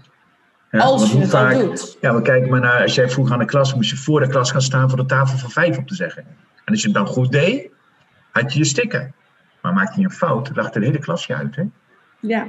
En daar heb je het probleem met heel veel mensen die me openbaar durven te spreken. Is daar al aangeleerd. Kijk maar naar, naar de patronen zoals wij eigenlijk aan het leren waren. Wat inderdaad alles met de rood was fout. Want het was nooit goed genoeg. overal mee. Het is met eten, het is met roken, het is met ons hele leven. is gebaseerd op niet goed genoeg zijn. Krijg je daarom ook veel ondernemers in je praktijk? Krijg ik veel ondernemers? Ja? Ja, redelijk veel. Um, ja, het zijn gewoon normale mensen, net zoals jij en ik. Ik krijg miljonairs hier, die komen hier alleen maar om uit te rusten. Die willen alleen maar even rust. En ik krijg uh, ondernemers die vastlopen, net zoals jij vertelt, die ik dan probeer te helpen, te laten zien. Want ik ben er altijd open en eerlijk in hoe ik het doe en wat de mogelijkheden zouden zijn, waar ze nog zo naar kunnen kijken. Of wat ze kunnen sterker maken. Maar ik vraag ook hulp. Ik krijg vanmiddag ook nog een coach hier die, uh, die mij eens gaat vertellen hoe kan het zijn dat er 20.000 mensen in die cirkel zitten en er maar 40 uitkomen. Waar zit de rest dan? Daar ben ik heel nieuwsgierig naar. En dat, dat is gewoon een stukje nieuwsgierigheid. En hoe kan ik meer mensen bereiken? Heel gaaf, want mij, mijn zaak ligt ook half stil met corona. Natuurlijk heb ik er last van. Want mijn tam is uitgevallen, hè? mijn mond-op-mond reclame is weggevallen. En dat is voor mij heel lastig. Dus ik moet andere manieren vinden om mensen te gaan ja, betrekken. Dus ik heb volgens bij de fietsenhandel liggen, bij de visboer, bij de groenteboer, bij alle kappers in het dorp die maar wilt. Want de meesten durven niet, want er mogen geen folders liggen. En nou, Facebook dan natuurlijk. Uh, nou, dat soort dingen probeer ik allemaal juist beetje op te kunnen. Ik moet ook draaien, net zoals die anderen. Als je de toekomst gaat bekijken van uh, ons, uh, ons uh, systeem, nou laten we het even in Nederland houden. We gaan het zorgsysteem. Ja. Um, we hebben ontzettend veel mensen gehad het afgelopen jaren die ondernemer zijn geworden. Um, nu zijn er denk ik ook heel veel ondernemers die natuurlijk onder druk staan. Hè. Heel veel contactberoepen hebben een tijd stil moeten liggen. Um, er is een deel verschoven naar online. Maar ook ehm, ja, de hele reguliere zorg is in principe gewoon helemaal afgeschaald. Um, maar we hebben het net natuurlijk ook al heel erg gehad over kernen en, en zaken die eigenlijk als van jongs af aan al aangeleerd worden, maar ook bewust niet geleerd worden. Mm. Dat verdienmodellen een heel grote invloed hebben op het systeem wat we nu hebben. En, en dat we ook zien dat het systeem gewoon ja, niet meer werkt uh, voor de toekomst die we graag voor ons zien. Hoe zou de toekomst eruit zien met alle kennis en wetenschap die jij hebt? Oei, dat is een hele leuke vraag die je nou stelt. Oei. Ik heb nooit gezegd dat ik makkelijke vragen stel. Nee, dat is waar. Daar moet je even over nadenken. Ik vind een wereld waarin je een vrije keuze hebt, vind ik heel belangrijk. En een vrije keuze is natuurlijk heel fijn, maar je weet ook dat sommige mensen niet met vrije keuze om kunnen gaan. Dus ik vind het juist leren van hoe ga je daarmee om, al in de basis ligt als, als kind zijn. Uh, ik neem een gek voorbeeld, eet je eten op. Eet je bord leeg. Uh, eet eens door. Dat zijn allemaal dingen die wij onze kinderen leren, die eigenlijk heel slecht zijn. Want dat zijn degenen juist die onze obesitas veroorzaken. Want de zakken zijn namelijk geen 50 gram meer, maar die zijn 225 gram. En jij hebt geleerd, eet je eten op. Een heel graag voorbeeld. Dus eigenlijk is het goed kijken naar je normen en waarden. Maar dat is voor iedereen, zijn normen en waarden zijn eigen wereldje. En ja, dat is een beetje lastig om op te antwoorden. Voor mezelf ja, ik zie mijn toekomst gewoon oké. en uh, ik ga daarvoor en ik heb lol. En uh, dat is het meest plezierig wat ik vind. Ik verdien mijn centjes. Het is niet zoveel, prima, maar ik kan rondkomen. En straks ga ik nog meer mensen helpen en nog meer centjes verdienen. Want ik wil ook mijn dingetjes doen. Maar het is, uh, ja, wat is de wereld? Ik weet het niet. Het is, ik hoop een keer naar een vijfde dimensie te gaan voor de mensen die spiritueel zijn. We hebben van everyone, everywhere, everything. Maar zolang de mensen zullen zijn, zal dat nog dingen nooit voorkomen. Er zult altijd macht zijn, er zal altijd belangen spelen, er zijn altijd geldbelangen die moeilijk zijn. Uh, Ik denk nooit dat de zorgverzekeraar dat allemaal los gaat laten en de regering gaat dat niet loslaten. Want het zijn gewoon grote belangen, groter dan wij kunnen inschatten. Uh, kijk naar het roken, waar we het straks over hadden. Waarom verbieden ze roken gewoon niet? Want een van de twee rokers gaat dood. En voor corona doen we allemaal in onze broek. Terwijl ik dan even kijk dat ze roken zo kunnen verbieden, maar dat doen ze niet, want het levert namelijk 70 tot 80 miljard per jaar op. Ja, ja. Logisch dat ze dat er niet doen. Nee, wat gaan we nou doen? We gaan de pakjes in de kastjes leggen, dat je niet weet wat erachter zit. En dat willen wij juist, dingen die achter kastjes liggen. De woestelijk wil je het maken. Dus, maar dat zijn al die technieken die ze gebruiken. Het gaat om verdienmodellen. En, Worden er hypnose-technieken toegepast op die manier? Ja. Bewust? Ja, ja? heel bewust, ja. Iets waarbij, ik ben me daar helemaal niet van bewust hoor, want ik... Uh, ja, je bent er uh, bijna dagelijks van bewust, alleen je ziet het niet. Nee.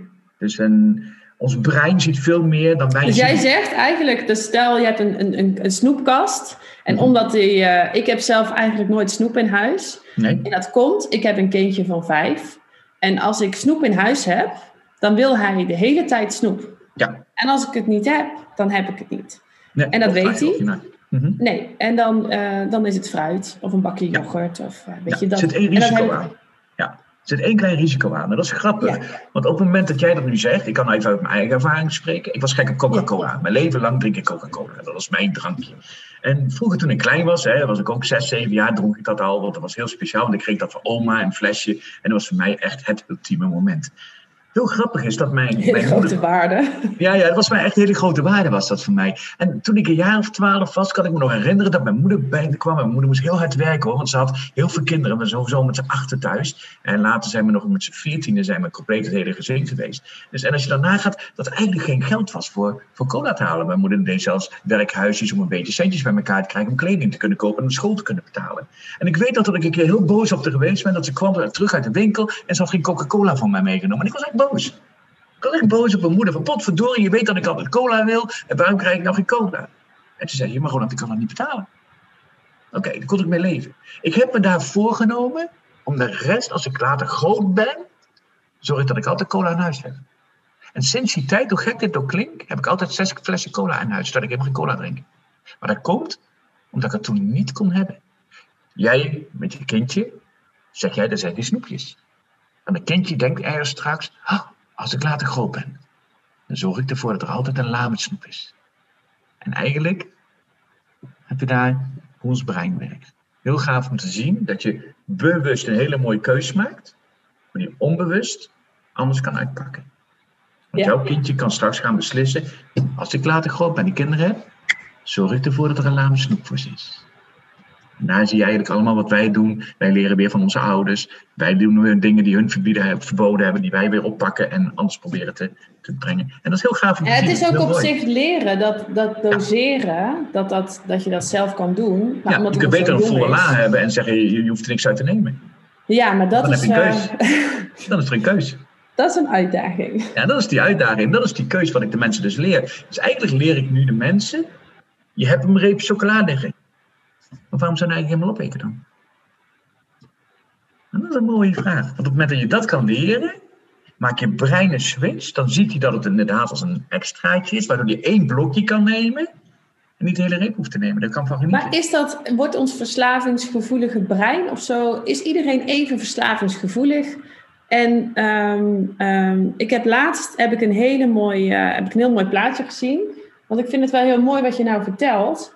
Um, Kijk, ik heb, ik heb natuurlijk best wel een duidelijk beeld van mijn ideaal beeld, hoe ik de wereld zou willen zien. En net wat je net zelf ook zegt, machtsstructuren zullen nooit weggaan. Nee. Uh, er zullen altijd mensen zijn die kiezen voor uh, uh, geld boven eh, andere belangen.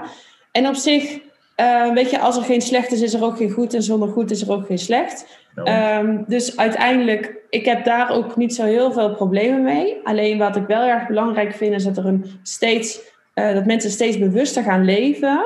En daarmee dus ook meer de controle kunnen nemen over hun eigen leven. Want ik ja. vind het wat dat betreft wel heel erg om te zien als er zoveel chronisch zieke mensen zijn in Nederland. Maar dat er ook zoveel mensen verslaafd zijn aan medicijnen. Omdat ja. ze zichzelf alleen maar aan het verdoven zijn.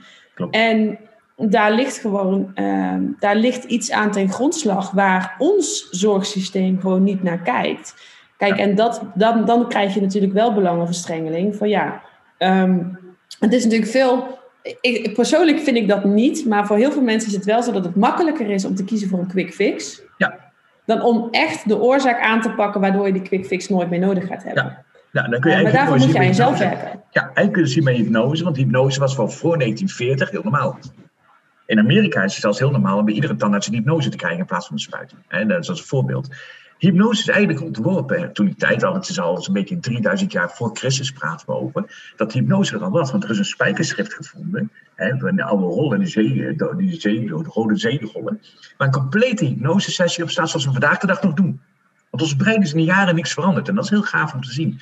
En als je heel goed kijkt, ik ben dan niet zo gelovig, dus ik wil niemand tegen zijn been aanschoppen die gelovig is. Maar als je heel goed kijkt naar Jezus, deed hij eigenlijk hetzelfde als een hypnotiseur, want hij vertelde verhalen. Metaforen. Hij zei, sta op en loop heen. Dat is een directe hypnose. Ik heb met iemand met Parkinson gehad, die kon niet lopen. Die, kon niet lopen, medisch niet, omdat ze Parkinson had. De ziekte van Parkinson, vreselijke ziekte.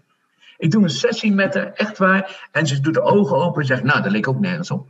Echt waar, dat zei ze echt tegen me. Dus ik denk, nou ja, het was alleen maar een test, dus we maken het uit. Zeg ze, wil je nog een bakje koffie dan? Ik zei, ja, dan doe maar. Ze staat op en ze loopt naar de keuken. Ze pakt een bak koffie.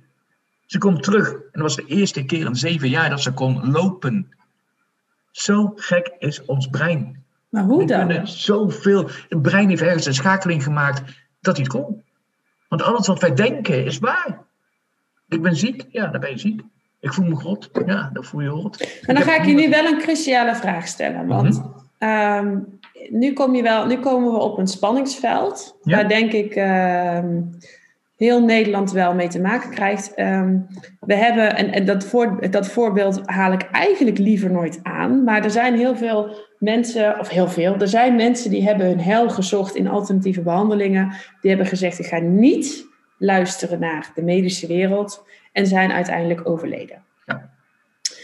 Ehm, dat is het spanningsveld waar we natuurlijk wel elke keer in zitten. Plus, ehm, eh, laatst ehm, eh, is er een bedrijf geweest wat vrouwen hielp bij vruchtbaarheidsproblemen door leefstijlpatronen aan te passen. Maar daarbij ook spirituele informatie te geven. Van weet dat je bijvoorbeeld met volle maan, dat jij jouw ovulatie eh, gaat tegelijk ja. met de maancyclus. Ja. En dat is volledig in het belachelijke getrokken in de media. Dat bedrijf bestaat nu dus ook niet meer. Terwijl ehm, zij hebben zich nooit uitgegeven als medicus. Maar zij hebben gewoon gezegd van nou, ik ben verpleegkundige. Ik heb heel veel ervaring ehm, ja, op dat gebied. En ik heb dat gekoppeld aan leefstijl. Ja. En ik help vrouwen. Nou, de, de kwalijke zaak in dit hele eh, kwestie was dat er een, een, een vrouw zei... ik voel me zwaar gekwetst, want je geeft me valse hoop. Ja. Want ik kan geen kinderen krijgen en ehm, eh, ik heb eh, allerlei eh, trajecten gedaan bij het ziekenhuis, IVF, IUXU, ik weet niet hoe het Ja. allemaal heet. Ehm, en ik kan maar niet zwanger worden. En nu probeer ik bij jullie, probeer ik het wel. En dan lukt het nog niet. Ja. Ja. Dan, dan kom je op een spanningsveld van hoe ga je aan de ene kant, weet je wat jouw hypnose kan doen voor mensen. Ja, Dat bewijs heb je ook. ja 100%. Ehm, en toch krijg je te maken met het spanningsveld van mensen geen valse hoop willen geven. Klopt. Hoe kunnen we daar nou goed mee omgaan? Want in de medische wereld hebben we dat perfect gecoverd. Mhm. Ehm, want, want laten we wel wezen, als iemand borstkanker krijgt, dan wordt daar door een arts een traject aangekoppeld, vaak met chemo, eh, bestraling en soms ook met operatief, ehm, operatieve verwijdering. Ehm, aan de andere kant weten we ook dat er andere eh, mogelijkheden zijn, die nog niet in de medische wereld geïmplementeerd zijn. Ehm, en dat vertrouwen we. En toch gaan er mensen aan overlijden. Want niet iedereen met deze behandelmethode overleeft ook. Klopt. Ook Dus niet het- iedere hypnose beslaagt. Net zo. Hoe Ja, kan het dan zo zijn dat bij de medische kant dat dat dan wel geoorloofd is? Als zijn een soort van ehm, risicocalculatie die daarin voortkomt. En dat het bij de complementaire branche heel erg geschaafd wordt onder valse hoop en ehm, ja. Ja. toch ook vaak wel kwakzalverij. Ja, dat is een uh, zienswijze. Um, ga ik voorbeelden tegenover zeggen dat je zegt, sommige mensen die komen daarbij, zoals die vrouw die zwanger wil worden, is niet gelukt, is teleurgesteld, snap ik. Dat is haar laatste redmiddel, daarom is ze eigenlijk teleurgesteld over het hele traject. Hè. Dus niet alleen bij de laatste, maar het is eigenlijk het hele traject waarover ze teleurgesteld is. En eigenlijk de, de mom van het verhaal is dat ze verdrietig is dat ze niet zwanger kan worden. En dat is eigenlijk de mom. Dus eigenlijk wat je bij die vrouw zou kunnen doen, is de verdriet weg te halen waarom ze niet zwanger kan worden, maar mee moet leren leven dat ze inderdaad misschien door complicaties of door, door medische toedoen niet zwanger kan worden. Dat is gewoon wat je altijd moet kijken. Wat ik altijd merk in mijn praktijk, wat ik dan doe, ik kan natuurlijk alleen mijn eigen ervaring spreken. Ik kan geen garanties geven, net zoals geen medica dat kan. Wij kopen medicijnen bij de, bij de. We krijgen medicijnen mee van de huisarts en we komen thuis en dat niet werkt. En we krijgen volgende dag nieuwe medicijnen. Maar niemand heeft erover om die oude medicijnen terug te brengen, want die krijgt geen geld voor terug. Dat is heel maf. Dat is bij de hypnose komen steeds. Maar ja, bij die stop maar ook, ik wil mijn geld terug. Ja, pardon. Ik bedoel, je doet het nog altijd zelf. Heel mooi om te zien, misschien is iemand dat wel leuk om te vinden. En op Netflix, heel veel mensen hebben Netflix, is een documentaire, dat heet Heal. H-E-A-L. Prachtige documentaire. Ja, nou, dat is een prachtige ja. documentaire. Dat laat ook prachtig zien dat iedereen op zijn eigen wijze en zijn eigen pad zoekt. En heel gaaf om te zien wat ze overeenkwamen is hun wil. Een wil om maximale eruit te halen. En een wil maximaal eruit halen wil niet zeggen dat je het gaat herstellen, maar wel maximaal eruit halen. Eigenlijk wat je nu zegt, wat die mensen zoals die dan alternatief komen die dan niet slagen en teleurgesteld zijn. Is eigenlijk hetzelfde als je ziet met een podium. Je doet een, een study, daar hadden we net straks over. Ik zeg 600 mensen in de zaal en 10 mensen staan op het podium. En iedereen zegt, oh wat fantastisch dat die 10 mensen daar staan, dat hij dat kan. Maar niemand ziet dat er 590 mensen in de zaal zitten, wat niet gelukt is. Precies hetzelfde. Eigenlijk zie je dus precies hetzelfde gebeuren. Als het misgaat, wordt daar de loop op gezet. Als het goed gaat, hoor je niemand erover. He, met, uh, zie maar bij uh, de grote healer van Jomanda, die op deze manier ook het bedrijf gestopt is. Waar we nog maar de vraag is, wat ze nog gezegd heeft, dat ze niet medisch moet onderzoeken. Maar een van de basisdingen die ik geleerd heb in mijn opleiding, en ik heb een goede opleiding gevolgd, is vraag altijd, ben je bij een arts geweest? En wat zei die ervan? Ben je bij een dokter geweest? Bij het ziekenhuis geweest? Wat zeggen ze daarvan? Heb je daar rapporten van? Laat me dat zien dan. Nou, dat is wat ik wel doe. Niet van stoppen met roken, want het staat los daarvan. Niet zozeer bij het afvallen, maar wel als ik kom bij, bij zenuwenpijnen. Mensen die niet meer kunnen lopen. Mensen met Parkinson. Ik werk heel veel met mensen met Parkinson. En dan heb ik zelfs een ontspanknop bij hen ingebouwd. Dat de dokter zitten te kijken, hoe kan dat nou? Die mensen drukken in gedachten op een been, op een groene knop. Waardoor hun lichaam stil gaat staan, waardoor ze naar de kapper kunnen. Hoe geweldig is dat? En dan gaat het niet omdat die mensen dan stilstaan, want het is progressief en het gaat door en die worden niet beter. Maar ze hebben wel een knop waar ze op kunnen drukken en naar de schoonheidsspecialist kan. En dan zijn ze zo blij. Want er zijn zoveel mooie kleine dingen die ze dan in één keer hebben. Dat ze overbewegelijk bij mij komen. Dat ze gewoon bijna achterover slaan. En dat ik gewoon met een knip in mijn vinger hun lichaam stilzet. En dat ze eindelijk eens in slaap kunnen vallen zonder dat ze bewegen. Nou, dat soort dingen kun je hele mooie kleine dingetjes inbouwen voor die mensen. Om iets prachtigs te geven, maar ik zou nooit de ziekte kunnen oplossen. Want ik kan de ziekte van Parkinson niet weghalen, maar ik kan wel dopamine aansturen. En dat is wel weer gaaf, want ons brein heeft ons zelf gemaakt. Een heel mooi voorbeeld van, een, van mijn leerkracht, heb ik zelf niet gedaan, van mijn leerkracht. We hadden een, iemand die had een kanker in de oren. En alle trommelvliezen werden compleet weggebeten. Ze was een jonge vrouw en ze wou graag haar kinderen nog horen. En ze heeft die leerkracht aan het onderbewustzijn gevraagd, mooie onderbewustzijn van, is er een manier waarop ze kan blijven horen zonder die oren? En toen zei het onderbewustzijn, ja, die is er met ideomotorische signalen. Dat zijn signalen vanuit het brein. Toen was ze best verbaasd en heeft gezegd, oké, hoe dan? En is het lichaam gaan checken. En die blijft hangen bij de knie. En men zegt, het onderbewustzijn zegt, ik kan luisteren via de knie. Daar hebben ze nog sessies op gedaan. En ze hebben daar drie of vier sessies op gedaan. En we zijn nou een jaar later en haar hoorhangen zijn compleet weg. Er is niks van haar oren over. Er zijn alleen maar twee grote zwarte gaten. kan niks meer in. Doktoren zeggen, je kunt niks meer horen. En ze kan jou gewoon luisteren. En ze kan met je praten. Want ze kan horen via haar knie. Want haar brein zet de trillingen om. Niet vanuit de oren, maar vanuit de knie naar haar brein. Waardoor de woorden, woorden, woorden vormen, zinnen vormen. En zo kan communiceren. En ze kan gewoon praten. En ze kan je gewoon horen via je knie. Want wij vangen ons hele lichaam, alle signalen op. Alleen wij vergeten onze basis vaak. En wij gaan naar de gemakkelijke oplossing. En wat ik ook zei, hypnose was heel normaal voor, voor de Tweede Wereldoorlog. Maar in de Tweede Wereldoorlog werd de ether uitgevonden. En daarna kwamen de narcosemiddelen. En dat was gewoon makkelijk. Je door een brokje op en weg zijn ze. Je hoeft niet meer bezig te gaan. Het slaagt dat 100%. Zonder rekening dan met de bijwerkingen. Nu, vandaag de dag is het 75 ziekenhuizen in Nederland hebben hypnose. Gebruik hypnose, gebruik hypnose bij kinderen, gebruik hypnose bij een MRI. Want ik kan gewoon op een MRI zitten, ik doe een vingerknip, je gaat gewoon koud, je gaat lekker dromen. En je bent heerlijk op een onbewoond eiland en je gaat gewoon door die MRI zonder dat je verdoving meer hoeft te hebben. Nou, zo krachtig is eigenlijk hypnose. Dat is echt, dat zijn echt de. Maar ook heel erg positief om te horen dat het dus ook wel ingezet wordt nu in, in ziekenhuizen. Ja, steeds meer. We zijn ook, niet alternatief. We zijn nu ondersteunende zorg. Ja, we zijn niet alternatief meer. En dat is echt, echt er wordt zoveel gebruikt bij tandartsen, bij, bij arts voor naalden. Hè? We hebben niet naaldenproblemen. Iedereen is bang voor naalden. kun je zo weghalen. Dus zelfs de fobie als verspinnen kun je zo weghalen in secondes. En dat is gaaf. Daar wordt hypnose door veranderd. Dat zijn kijkwijzes. Het is een zienswijze waarop jij kijkt naar iets wat jij erg vindt. En een focus, dus focus op die naald. Haal de focus weg en je bent er al. Als jij het ongeluk links gezien hebt en je kijkt naar rechts, zie je toch geen ongeluk. Zo simpel is het, hè?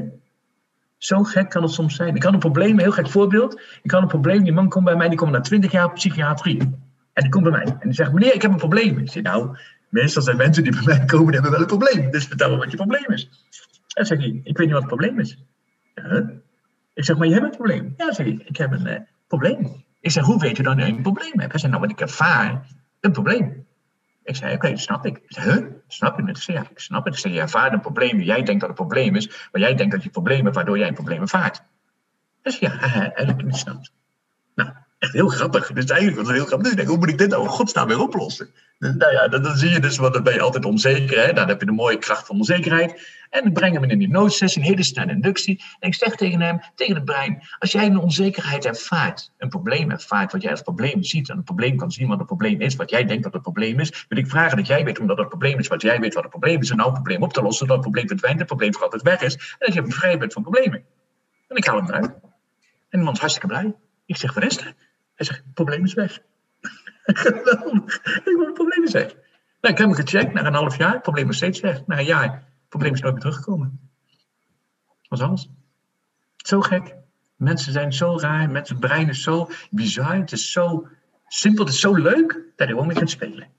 Nou, weet je wat ik heel vaak het grappige vind, is dat, ehm, of grappig, eigenlijk, ik heb heel vaak het idee dat ons lichaam zo ontzettend intelligent is, dat wij niet snappen hoe intelligent het is. En, ehm, en dat zie je ook heel vaak, net wat je zelf ook zegt. Er wordt heel erg veel onderzoek gedaan aan de oppervlakte. Ja. Ehm, en, en dat is ook volgens mij wat heel veel mensen alleen maar kunnen zien. En dat vind ik ook natuurlijk nu. We leven natuurlijk nu in een, in een bijzondere periode. En, en dat vind ik, dat, dat blijf ik iets, wat dat betreft ook wel iets bijzonders vinden. Er zijn, eh, eh, en ik denk dat we dan ook echt wel moeten gaan afronden. En bijvoorbeeld Ehm, je hebt, nu heb je de, de PCR-testen, die, die, die als een soort van bevolkingsonderzoek worden ingezet. Nou, er zijn allerlei onderzoeken, zelfs de eigenaar of de, of de, de ontwikkelaar van de PCR-test, die heeft gezegd: het is geen geschikt middel om zo grootschalig in te zetten, omdat je een hoge foutmarge hebt. En het is absoluut niet bedoeld om daar uh, bepaalde virussen mee te kunnen opsporen, als je het op, doet op zo'n groot, grote schaal. En al helemaal niet wanneer er geen klachten zijn. Want hè, dan. Hoe gek is dat? Ja. Nou, en dan uh, vervolgens, en dat, dat uh, ik heb natuurlijk mensen ook in mijn eigen privéomgeving, die koppelen dat dan bijvoorbeeld terug aan een thuiszorgorganisatie. Dan zeggen ze, ja, maar waarom moet ik nu een PCR-test doen? Want hij uh, dit en dit en dit. En die, die, die voeren dan dat bewijsmateriaal aan. En dat is wat er nu heel erg heerst in de wereld, is ja, maar daar zijn de meningen over verdeeld. Dus dan gaan we het in één keer hebben over meningen. Ja. En dat vind ik heel bijzonder, want er zijn uh, uh, heel veel waarheden. Ja, duizenden, miljoenen. En heel veel waarheden. Ja. En, en, en er zijn dus ook heel veel feiten. Mm -hmm. En alleen het heeft heel erg te maken met hoe ver iemand inzoomt en hoe ver iemand uitzoomt. Ja. En welke waarheden er in perspectief geplaatst worden en gekoppeld worden aan andere waarheden. Ja, en nog één ronde. Wat zijn je normen en waarden? Daar zit je basis. Ja. Daar zit denken. Ja, en dat, is nu, dat, dat, is, dat zien we nu in de wereld heel erg gebeuren. En dan denk ik, ja, maar ik zeg, hoe kun je nou een andere mening hebben over een feit? Hoe kan dat? Ja, de grap is een feit. Hè? We gaan over feiten praten. Een feit bestaat niet. Want waarheden bestaan niet. Um, vaak zie je ook de, de manier van vraagstelling. Wat een bepaalde reactie op. We vragen jou gewoon een gekke vraag. Um, Um, eet, jij vanavond, eet jij vanmiddag om 1 uur of om 2 uur? Wat ben je nou, nee, wat ben je nou geneigd om te zeggen? Ik kies een van de twee tijden. Ja, ik ben, ja, ja, ja, ja, ja. Dat zie die vraag. Hè? Want net je ziet, van, ja, van een week zag ik een vraag of een, een, bericht staan van de NOS. En er stond op: zeven van de tien mensen zijn voor een coronapaspoort. Maar er staat nergens de vraagstelling bij. Wat als de vraagstelling geweest was: Goh, mevrouw, u mag vrij zijn voor de rest van het leven met een coronapaspoort, maar u moet thuis blijven zonder coronapaspoort. Wat kies je dan? Ja, dan kiest iedereen voor vrijheid met. Logisch. Maar dat is dus ja. een vraagstelling, wordt er vaak niet bij vermeld. En waarheden bestaan niet. Want de waarheden komen uit de perceptie van jouw wereld. En jouw wereld zijn jouw normen en jouw waarden, jouw emoties en jouw ervaringen in het verleden. Waardoor iedereen zijn eigen perceptie heeft en het enige wat er gebeurt, eigenlijk wat er nu gebeurt, is eigenlijk dat de wereld een mismatch heeft met de wereld zoals die is. Eigenlijk heb jij een TomTom 1.0 en jij hebt een bepaald dorp er niet op staan. En ik heb een TomTom 2.0, want ik heb hem geüpdate waar het dorp wel op staat. Ik ga naar dat dorp toe en jij zegt, oh, oh, dat blijft er weg, want ik weet niet wat dat is. Want voor jou is dat onbekend terrein, omdat jouw TomTom-kaarten eigenlijk nog niet opgedate zijn. En eigenlijk zie je dan de perceptie van de wereld dat zijn je normen en je waarden, wat jij gelooft en wat jij doet en waar jij voor staat. En als je niet overeenkomt met de wereld, heb je een mismatch, noemen ze dat. En een mismatch is dus een negatieve, ja, negatieve lading. Dan begrijp je niet. Dan snap je niet hoe mensen dat altijd zo kunnen doen. Waarom gaan mensen de godsnaam roken als wij als ex-rokers nu zeggen van je bent stom bezig. Maar voor die mensen is die kaart anders dan onze kaart. Want wij hebben een uitbreiding 2.0 van wat roken werkelijk is. En dat hebben we niet. Waardoor hun nog steeds zitten dat roken voor hun oké is. Eigenlijk is dat zo. Ja. ja. Eigenlijk, zo kun je het een beetje uitleggen. Eigenlijk is het gewoon de kaart in je hoofd. Die niet overeenkomt met de kaart die jij ziet. Die kun je niet op elkaar leggen. En dan heb je een mismatch. En om daar nu uit te komen, want wij hebben het uh, voordat de podcast opgenomen werd, uh, uh, er worden hypnose-technieken toegepast nou, bij, bij media, bij nieuws, weet je, bij informatieverspreiding. En ik vind net het voorbeeld wat je net noemde, vind ik al een heel mooi voorbeeld. Um, we hebben natuurlijk een media die heel erg één, één richting uit communiceert. En als jij die richting, als die niet bij jou past, dan kun je de televisie uitzetten. Ehm, dat is ook de keuze die ik bijvoorbeeld maak. Um, ik kijk geen NOS, ik kijk niet naar al die praatprogramma's. En een mooi voorbeeld daarvan vind ik bijvoorbeeld Jinek. Um, is wat, uh, ik heb één keer een programma gezien en dan zie je heel erg de framing die ontstaat. Hè? Dus er wordt een bepaalde vraagstelling op een negatieve manier gevoed, waarbij je eigenlijk al uh, de persoon in een hoek zet, waar die niet eens meer tegen, iets tegen in kan brengen, waardoor je een soort van verhitte discussie krijgt. Ja. Terwijl als je met een, ja, terwijl als je met een open vraagstelling iemand de ruimte geeft om zijn zienswijze te delen en je gaat daar dieptevragen op stellen vanuit echt jouw persoonlijke en, en massale interesse van mensen die kijken, dan krijg je een heel ander gesprek aan tafel met echt heel veel waarde. En dat, dat is denk ik ook waarom heel veel mensen toch wel graag naar podcast luisteren van verschillende mensen. Um, omdat er ruimte gegeven wordt aan iemand zijn visie. En um, dat is natuurlijk wat er heel weinig gebeurt nu, want we, we worden heel erg in één, één richting informatie gestuurd. Dus, um, en daarmee krijgen we ook een soort van misschien wel massahypnose. Ja, um, schaapjes, van, van wat er is. Ja, de schaapjes over de dam. Hè. Eén gaat de dam over de rest. Kijk maar naar het toiletpapier. Prachtig, van het eerste, eerste moment van corona. Wat ging iedereen doen? Toiletpapier kopen. En waarom? waarom? Nou, eigenlijk is dat psychisch. Want eigenlijk was, moet je je voorstellen, een straat met tien huizen. En de buurman die denkt, oh, laat ik maar flink, uh, hè, want dan heb ik straks niks meer. Dan sla ik dat maar even kopen. En die komt met een groot pak terug en de buurman ziet dat. Die denkt, hé, hey, is er wat aan de hand? Oh ja, er is, oh ja, er is wat, een virus, hè. Oh, laat ik ook maar even toiletpapier halen. En de buurman daarnaast denkt, oh, die zijn raar bezig, dat gaan we niet doen. Maar de vierde buurman zegt, oh, dat ga ik ook doen. En de vijfde, zesde, zeven, acht, negen, tien doen het allemaal. En dan denkt de vierde of de derde buurman die het niet gedaan heeft, laat ik het nou maar gaan halen, want strijk het stop. En dan krijg je dus een tekort denken. En dat is eigenlijk het hele resultaat van geweest. En corona bestaat helaas, het is een virus, we moeten ermee dealen. Hoe erg het is, hoe, ik heb er gelukkig niks mee te maken gehad, laten we dat voorop stellen. En mij is ja, heel erg gefocust. Alles is corona alles is corona. En als je maar lang genoeg maar praat, is hetzelfde als een collega die tegenover je zit en zegt: Goh, wat ben jij wit zeg? Ben je ziek? Voel je lekker? Joh, je bent helemaal bleek aan het worden. Ga over goed met je. Ik maak me toch wel zorgen. Nou, binnen een kwartier is je collega ziek. En dan gaat hij ziek naar huis, terwijl er niks aan de hand was. Eigenlijk heel gemeen heb ik dat bij mijn dochter een keer gedaan. Die had een lekker biefstuk. We zaten aan boord. En de boord schommelde nogal flink op zee. En ik had wel zin naar de biefstuk. En ik zei tegen mijn dochter: Goh, je krijgt een goede neus. Nou, de kind was echt binnen twee dagen groen. En ik heb een biefstuk op opgegeten. dat was heel gemeen. maar het was wel leuk. Zo kun je zien hoe het werkt. Ze zat onder de tafel. Zat ze over te geven terwijl ik een biefstuk zat te eten. Dus maar zo werkt eigenlijk deze soort massa-hysterie. Ja. En je zag het ook heel mooi met Donald Trump. Hè. Die gaf iemand een hand. En dan trok je altijd de hand even terug. En op dat moment moet je maar eens doen, hè, als je dan toch zelfs weer handen gaat schudden, ga eens iemand een hand geven en trek je hand eens terug. Dan zul je voelen dat diegene die tegenover je staat, voelt zich kloten.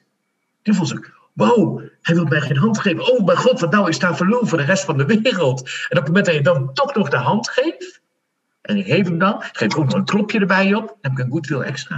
En ik heb hem toch maar even snel die hand gegeven. Dus staat een pandje voor. Zo simpel werkt het. Neem de vier waarheden en de vijfde eroverheen. In hypnose-technieken gebruiken wij dat. Hè? We noemen de vier waarheden. Je hoort mijn stem. En je hoort de muziek. Bij mij hoor je muziek. Dan, dan voel je de zitting van de stoel. En je hoort buiten het verkeer voorbij rijden. En je gaat dieper, dieper en dieper. Er zijn vier waarheden. En de vijfde erbij op en is automatisch waar. Wat je heel gaaf zag. En dan oh, ja, ja, ja. En de ja, eigenlijk wel ja, ja, ja, ja. Daarom je lichaam al meteen gewend is om ja te zeggen. Dat zag je bij Rutte heel mooi proberen toen de kappers open gingen. De kappers mogen weer open. En heel Nederland, ja, gelukkig. Ja, de winkels mogen weer beperkt op. Oh, gelukkig. Ja, en de, de kinderopvang gaat weer open. Yes, yes, yes, we gaan dat doen. En wat had u nog meer? De, de, was er nog eentje, die was vier was dat. En dan zeiden er als vijfde erachteraan, heel mooi in hetzelfde zinnetje. En we voeren een coronapaspoort in. En iedereen zei, ja, gaan we doen. En wat zie je nu? Overal een coronapaspoort. Heel slim techniek, NLP-technieken, hypnose-technieken, om eigenlijk, ja, eigenlijk mensen te sturen in een bepaalde omgeving waarvan jij denkt dat het de beste omgeving is. En of het nou goed wil is of slecht wil is, nou, we hopen dat we allemaal van ons beste doen. Maar dat is een hele snelle manier. Hitler deed hetzelfde. Wij Duitsers, wij zijn het stomste volk. Ja, dat zijn ze. Wij Duitsers worden verkeerd behandeld vanuit de Tweede Wereldoorlog. Ja, dat klopt. Wij Duitsers zijn daar niet mee eens. Nee, dat klopt. Wij hebben de grootste werkeloosheid. Ja, wij gaan de wereld veroveren. Ja! Eh, wat zijn die nou eigenlijk? En je hebt de Tweede Wereldoorlog te pakken. Prachtig, NLP-technieken. Als je kijkt naar Hitler en je kijkt naar NLP-technieken, dan zie je een prachtig voorbeeld hoe je het mooiste de NLP-technieken in kan zetten met gebaren, met, met slijm erbij, tot schreeuwen erbij, tot, tot weer terugkomen in gebaren. En wat ons lichaam helemaal gefascineerd is. En kijken alsof hij naar een film zit te kijken. Oh, kijk eens wat mooi. Want dat vindt hij prachtig. Ons brein houdt ervan. Zijn er ook mensen die daar niet gevoelig voor zijn? Ieder brein is eigenlijk gevoelig voor. Ieder mens is beïnvloedbaar. Absoluut ben ik 100% van overtuigd. Ik denk dat er geen enkele. Wat is dan, als je dat niet wil? Dus uh, ik wil het bijvoorbeeld niet. Uh, nou, bij mij is het al. Uh, nou, Zet je televisie uit, ja. Een televisie uitzetten, geen persconferentie kijken. En dan zeggen mensen, ja, maar hoe weet je dan wat de maatregelen zijn? Nou, is dat belangrijk? Ik denk dat jij nog net zo op de hoogte bent als ik. En ik heb al vijf jaar geen televisie meer. En nee. ik denk, degene wat jij nodig hebt, is wat je te, tegemoet komt. Hè? We hoeven niet te weten, we hoeven niet live mee te kijken aan alle kanten van de wereld. Nee. En daar wordt iemand in, in Amerika vermoord omdat hij zwart is. Ja, maar dat wordt in Nederland ook gedaan. Ja. Maar dat wordt overal in de wereld gedaan. Dat is niks. We hebben de grootste slavernij gehad. Dus waarom moet ik daar een excuus voor aanbieden voor iets wat 300 jaar geleden is? Dat is bizar. Nou, dat nou ja, weet je, er zijn. Uh, ja, maar dat is ook. Iedereen moet er iets van vinden. Er wordt natuurlijk heel erg gestuurd vanuit de media informatie gestuurd. Klopt. Ja. Maar ook Ehm, ehm, ik kan me ook voorstellen, er zijn gewoon heel veel uh, mensen die nu in de zorg werken, die zeggen, ja weet je, wij staan ook niet meer achter die maatregelen, want het gaat gewoon te ver. We zien scheidende gevallen. Ik heb ook iemand die werkt bij de GGZ-instelling, um, die zegt ook, het is niet normaal wat hier binnengebracht wordt. Het is schrikbarend hoeveel zelfmoorden er zijn, hoeveel depressies. En dan daar voel je ook echt, je voelt gewoon dat die mensen zich rot voelen, dat ze zeggen, dit kan gewoon niet meer. En die willen ook zich graag uitspreken, maar die willen ook niet meer gevangen zitten in de angstpropaganda ehm, ja, die, die, die, die, die de media aan het voeren is en onze overheid. Ehm, en, en, en welke technieken ze toepassen, nou, dat heb je net heel mooi verteld. Maar hoe kun je daar nou aan ontsnappen, soort van? Niet. Want de gekke is, wij mensen zijn kuddedieren. En wat ons nu gebeurt met corona is dat we apart gezet worden. Hè? We zijn niet samen tegen corona, want je bent onderhand alleen tegen corona, want je moet toch maar alleen thuis overleven. En heel grappig om te zien is dat we eigenlijk kuddedieren zijn. En we willen in de kudde, want de kudde is veilig. En ons oerbrein vindt dat veiligheid. Want er zijn tijgers, er zijn dieren, dat is eten, dat is bescherming. En op het moment dat jij dus uit deze wereld stapt, zoals jij nou noemt, die ook inderdaad een onderdeel van onze wereld is, ja. ben je er alleen voor. Ja. En hoe krachtig ben je dan? Ben jij dan dus degene die op school geplaagd wordt, omdat je anders denkt dan een ander? Ben jij degene die dan de klap ontvangt, eh, zoals ik heb meegemaakt, dat ik vroeger klappen kreeg op school, omdat ik zelfs mijn ribben gebroken heb, omdat ze vonden dat ik anders was, omdat ik werkte met mijn brein al?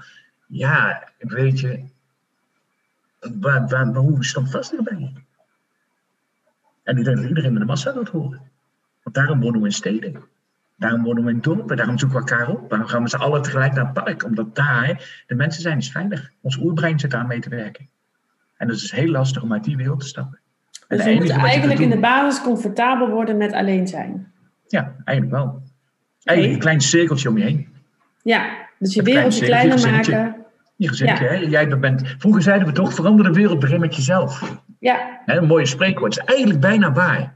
Eigenlijk moet het zijn, Verander de wereld niet, maar verbeter jezelf niet. Eigenlijk is het verander de wereld, verander je, je zienswijze. Verander je zienswijze. Want op het moment dat je zienswijze verandert, heb je een andere wereld. Ja. Iedereen kent het voordat hij ZZP'er ging doen en voor een baas werkte, had een andere zienswijze als je ZZP'er bent. Simpel, want je zienswijze wordt anders. Want je moet anders voor je, voor je klanten gaan staan. Je moet adverteren, je moet mensen trekken, je moet je aantrekkelijk maken, je moet LinkedIn invullen, je moet je Facebook gaan gebruiken om jezelf te laten zien wie je bent. Dat hoef je vroeger, toen je bij de baas werkte, nooit. Want als je dan op vakantie ging, kreeg je drie weken doorbetaald. Nu ga je wel even kijken, van, nou, ga ik maar drie weken op vakantie, want ja, dat is wel drie weken salaris. Dus even kijken hoe ik dat kan oppakken. En dan komt de zienswijze, is dus veranderd. Want nou is een week vakantie niet meer zo belangrijk. Zienswijzes. Jij bent zwanger, iedereen is zwanger. Je hebt een rode auto, iedereen heeft een rode auto. Jij rijdt met een hele speciale auto die je nog nooit gezien hebt. En dan ga je naar de garage naar huis toe en dan kom je twintig keer onderweg tegen. Nou, ja, zienswijzes. Dus dat is een beetje het antwoord. Ja, toch? Ik vond het een mooie podcast. Ja, leuk hè? Gezellig zo. Maar ook heel interessant. Ja, ik vind het sowieso een heel interessante materie. Maar ook omdat ik ehm, wel geloof dat, ehm, inderdaad, wat je net zelf zegt, als de basis begint bij mensen zelf, dan gaan zij uh, sowieso al hè, meer verantwoordelijkheid nemen. Maar ook weten dat er andere mogelijkheden zijn. Want ik denk ook, als je alleen maar, wat, wat we net ook hebben besproken, als je alleen maar één kant van de informatie tot je kunt nemen, of alleen maar één kant van de informatie leest, ziet, hoort, dan weet je ook niet dat er nog een andere mogelijkheid is. Klopt. Dus dan denk je dat je. Ja. Altijd je doelen. En altijd kijken van wat was de vraagstelling en waarvoor was die vraagstelling? Waarom was die er? Wat was het doel van een vraagstelling? Want je kunt zeggen wetenschappelijk bewezen. Ja, maar wat was het doel dan van het wetenschappelijk onderzoek? Hoeveel mensen er zouden reageren, hoeveel mensen er niet zouden reageren, of hoeveel mensen er wel zouden reageren. Dat is de vraag van hoe is de vraag. Vragen blijven stellen. Ja, en vragen blijven stellen. En kijk naar je doel. Kijk echt naar je werkelijke doel. Je kunt wel zeggen, ja, ja zoveel procent geslaagd, maar ten opzichte van wat? Mooie vraag. Ik ben te dik. Aangezien van wie? Van een model die op de televisie zit? Of de buurvrouw? Of je dochter? Of Hoezo te dik dan? Nou, dat zijn hele mooie vragen. Kijk er altijd dieper naar en kijk werkelijk van wat is de vraagstelling, wat was een doel en hoe was de vraagstelling? Want die hoe is heel belangrijk. Ja, ja. Echt heel belangrijk. Het is echt, want dan kun je iedereen weer sturen zoals je wilt en ik kan alle antwoorden krijgen van iedereen die ik wil horen hoor. Echt heel makkelijk. Maar hoe is het echte antwoord dan? Ja. Want dat ligt aan de vraagstelling. Nou, ik hoop dat ik vandaag leuke vragen heb gesteld aan je. Ja, ook. Nee, heerlijk. Dat is, uh, hartstikke leuk. Nou, ik wil je heel erg bedanken voor je deelname aan de podcast en alle informatie die jij hebt uh, gegeven. Heel graag gedaan. En, uh, bedankt ook alle luisteraars voor deze podcast. Heb je nou een vraag of wil je meer informatie hebben over um, ja, hypnose, wat Roland voor je kan betekenen of over het ondernemerschap, dan kun je uiteraard altijd terecht op onze website, maar ook op die van Roland. En dat is dus uh, uh, Roland Boekhorst, die je kunt vinden op Facebook, want dat heeft hij uitgebreid uh, toegelicht. En um, nou, heel erg bedankt voor het luisteren en tot de volgende podcast.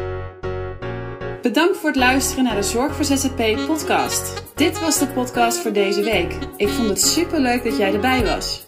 De komende week staat er weer een nieuwe podcast voor je online, met daarin uiteraard weer een nieuw en inspirerend verhaal.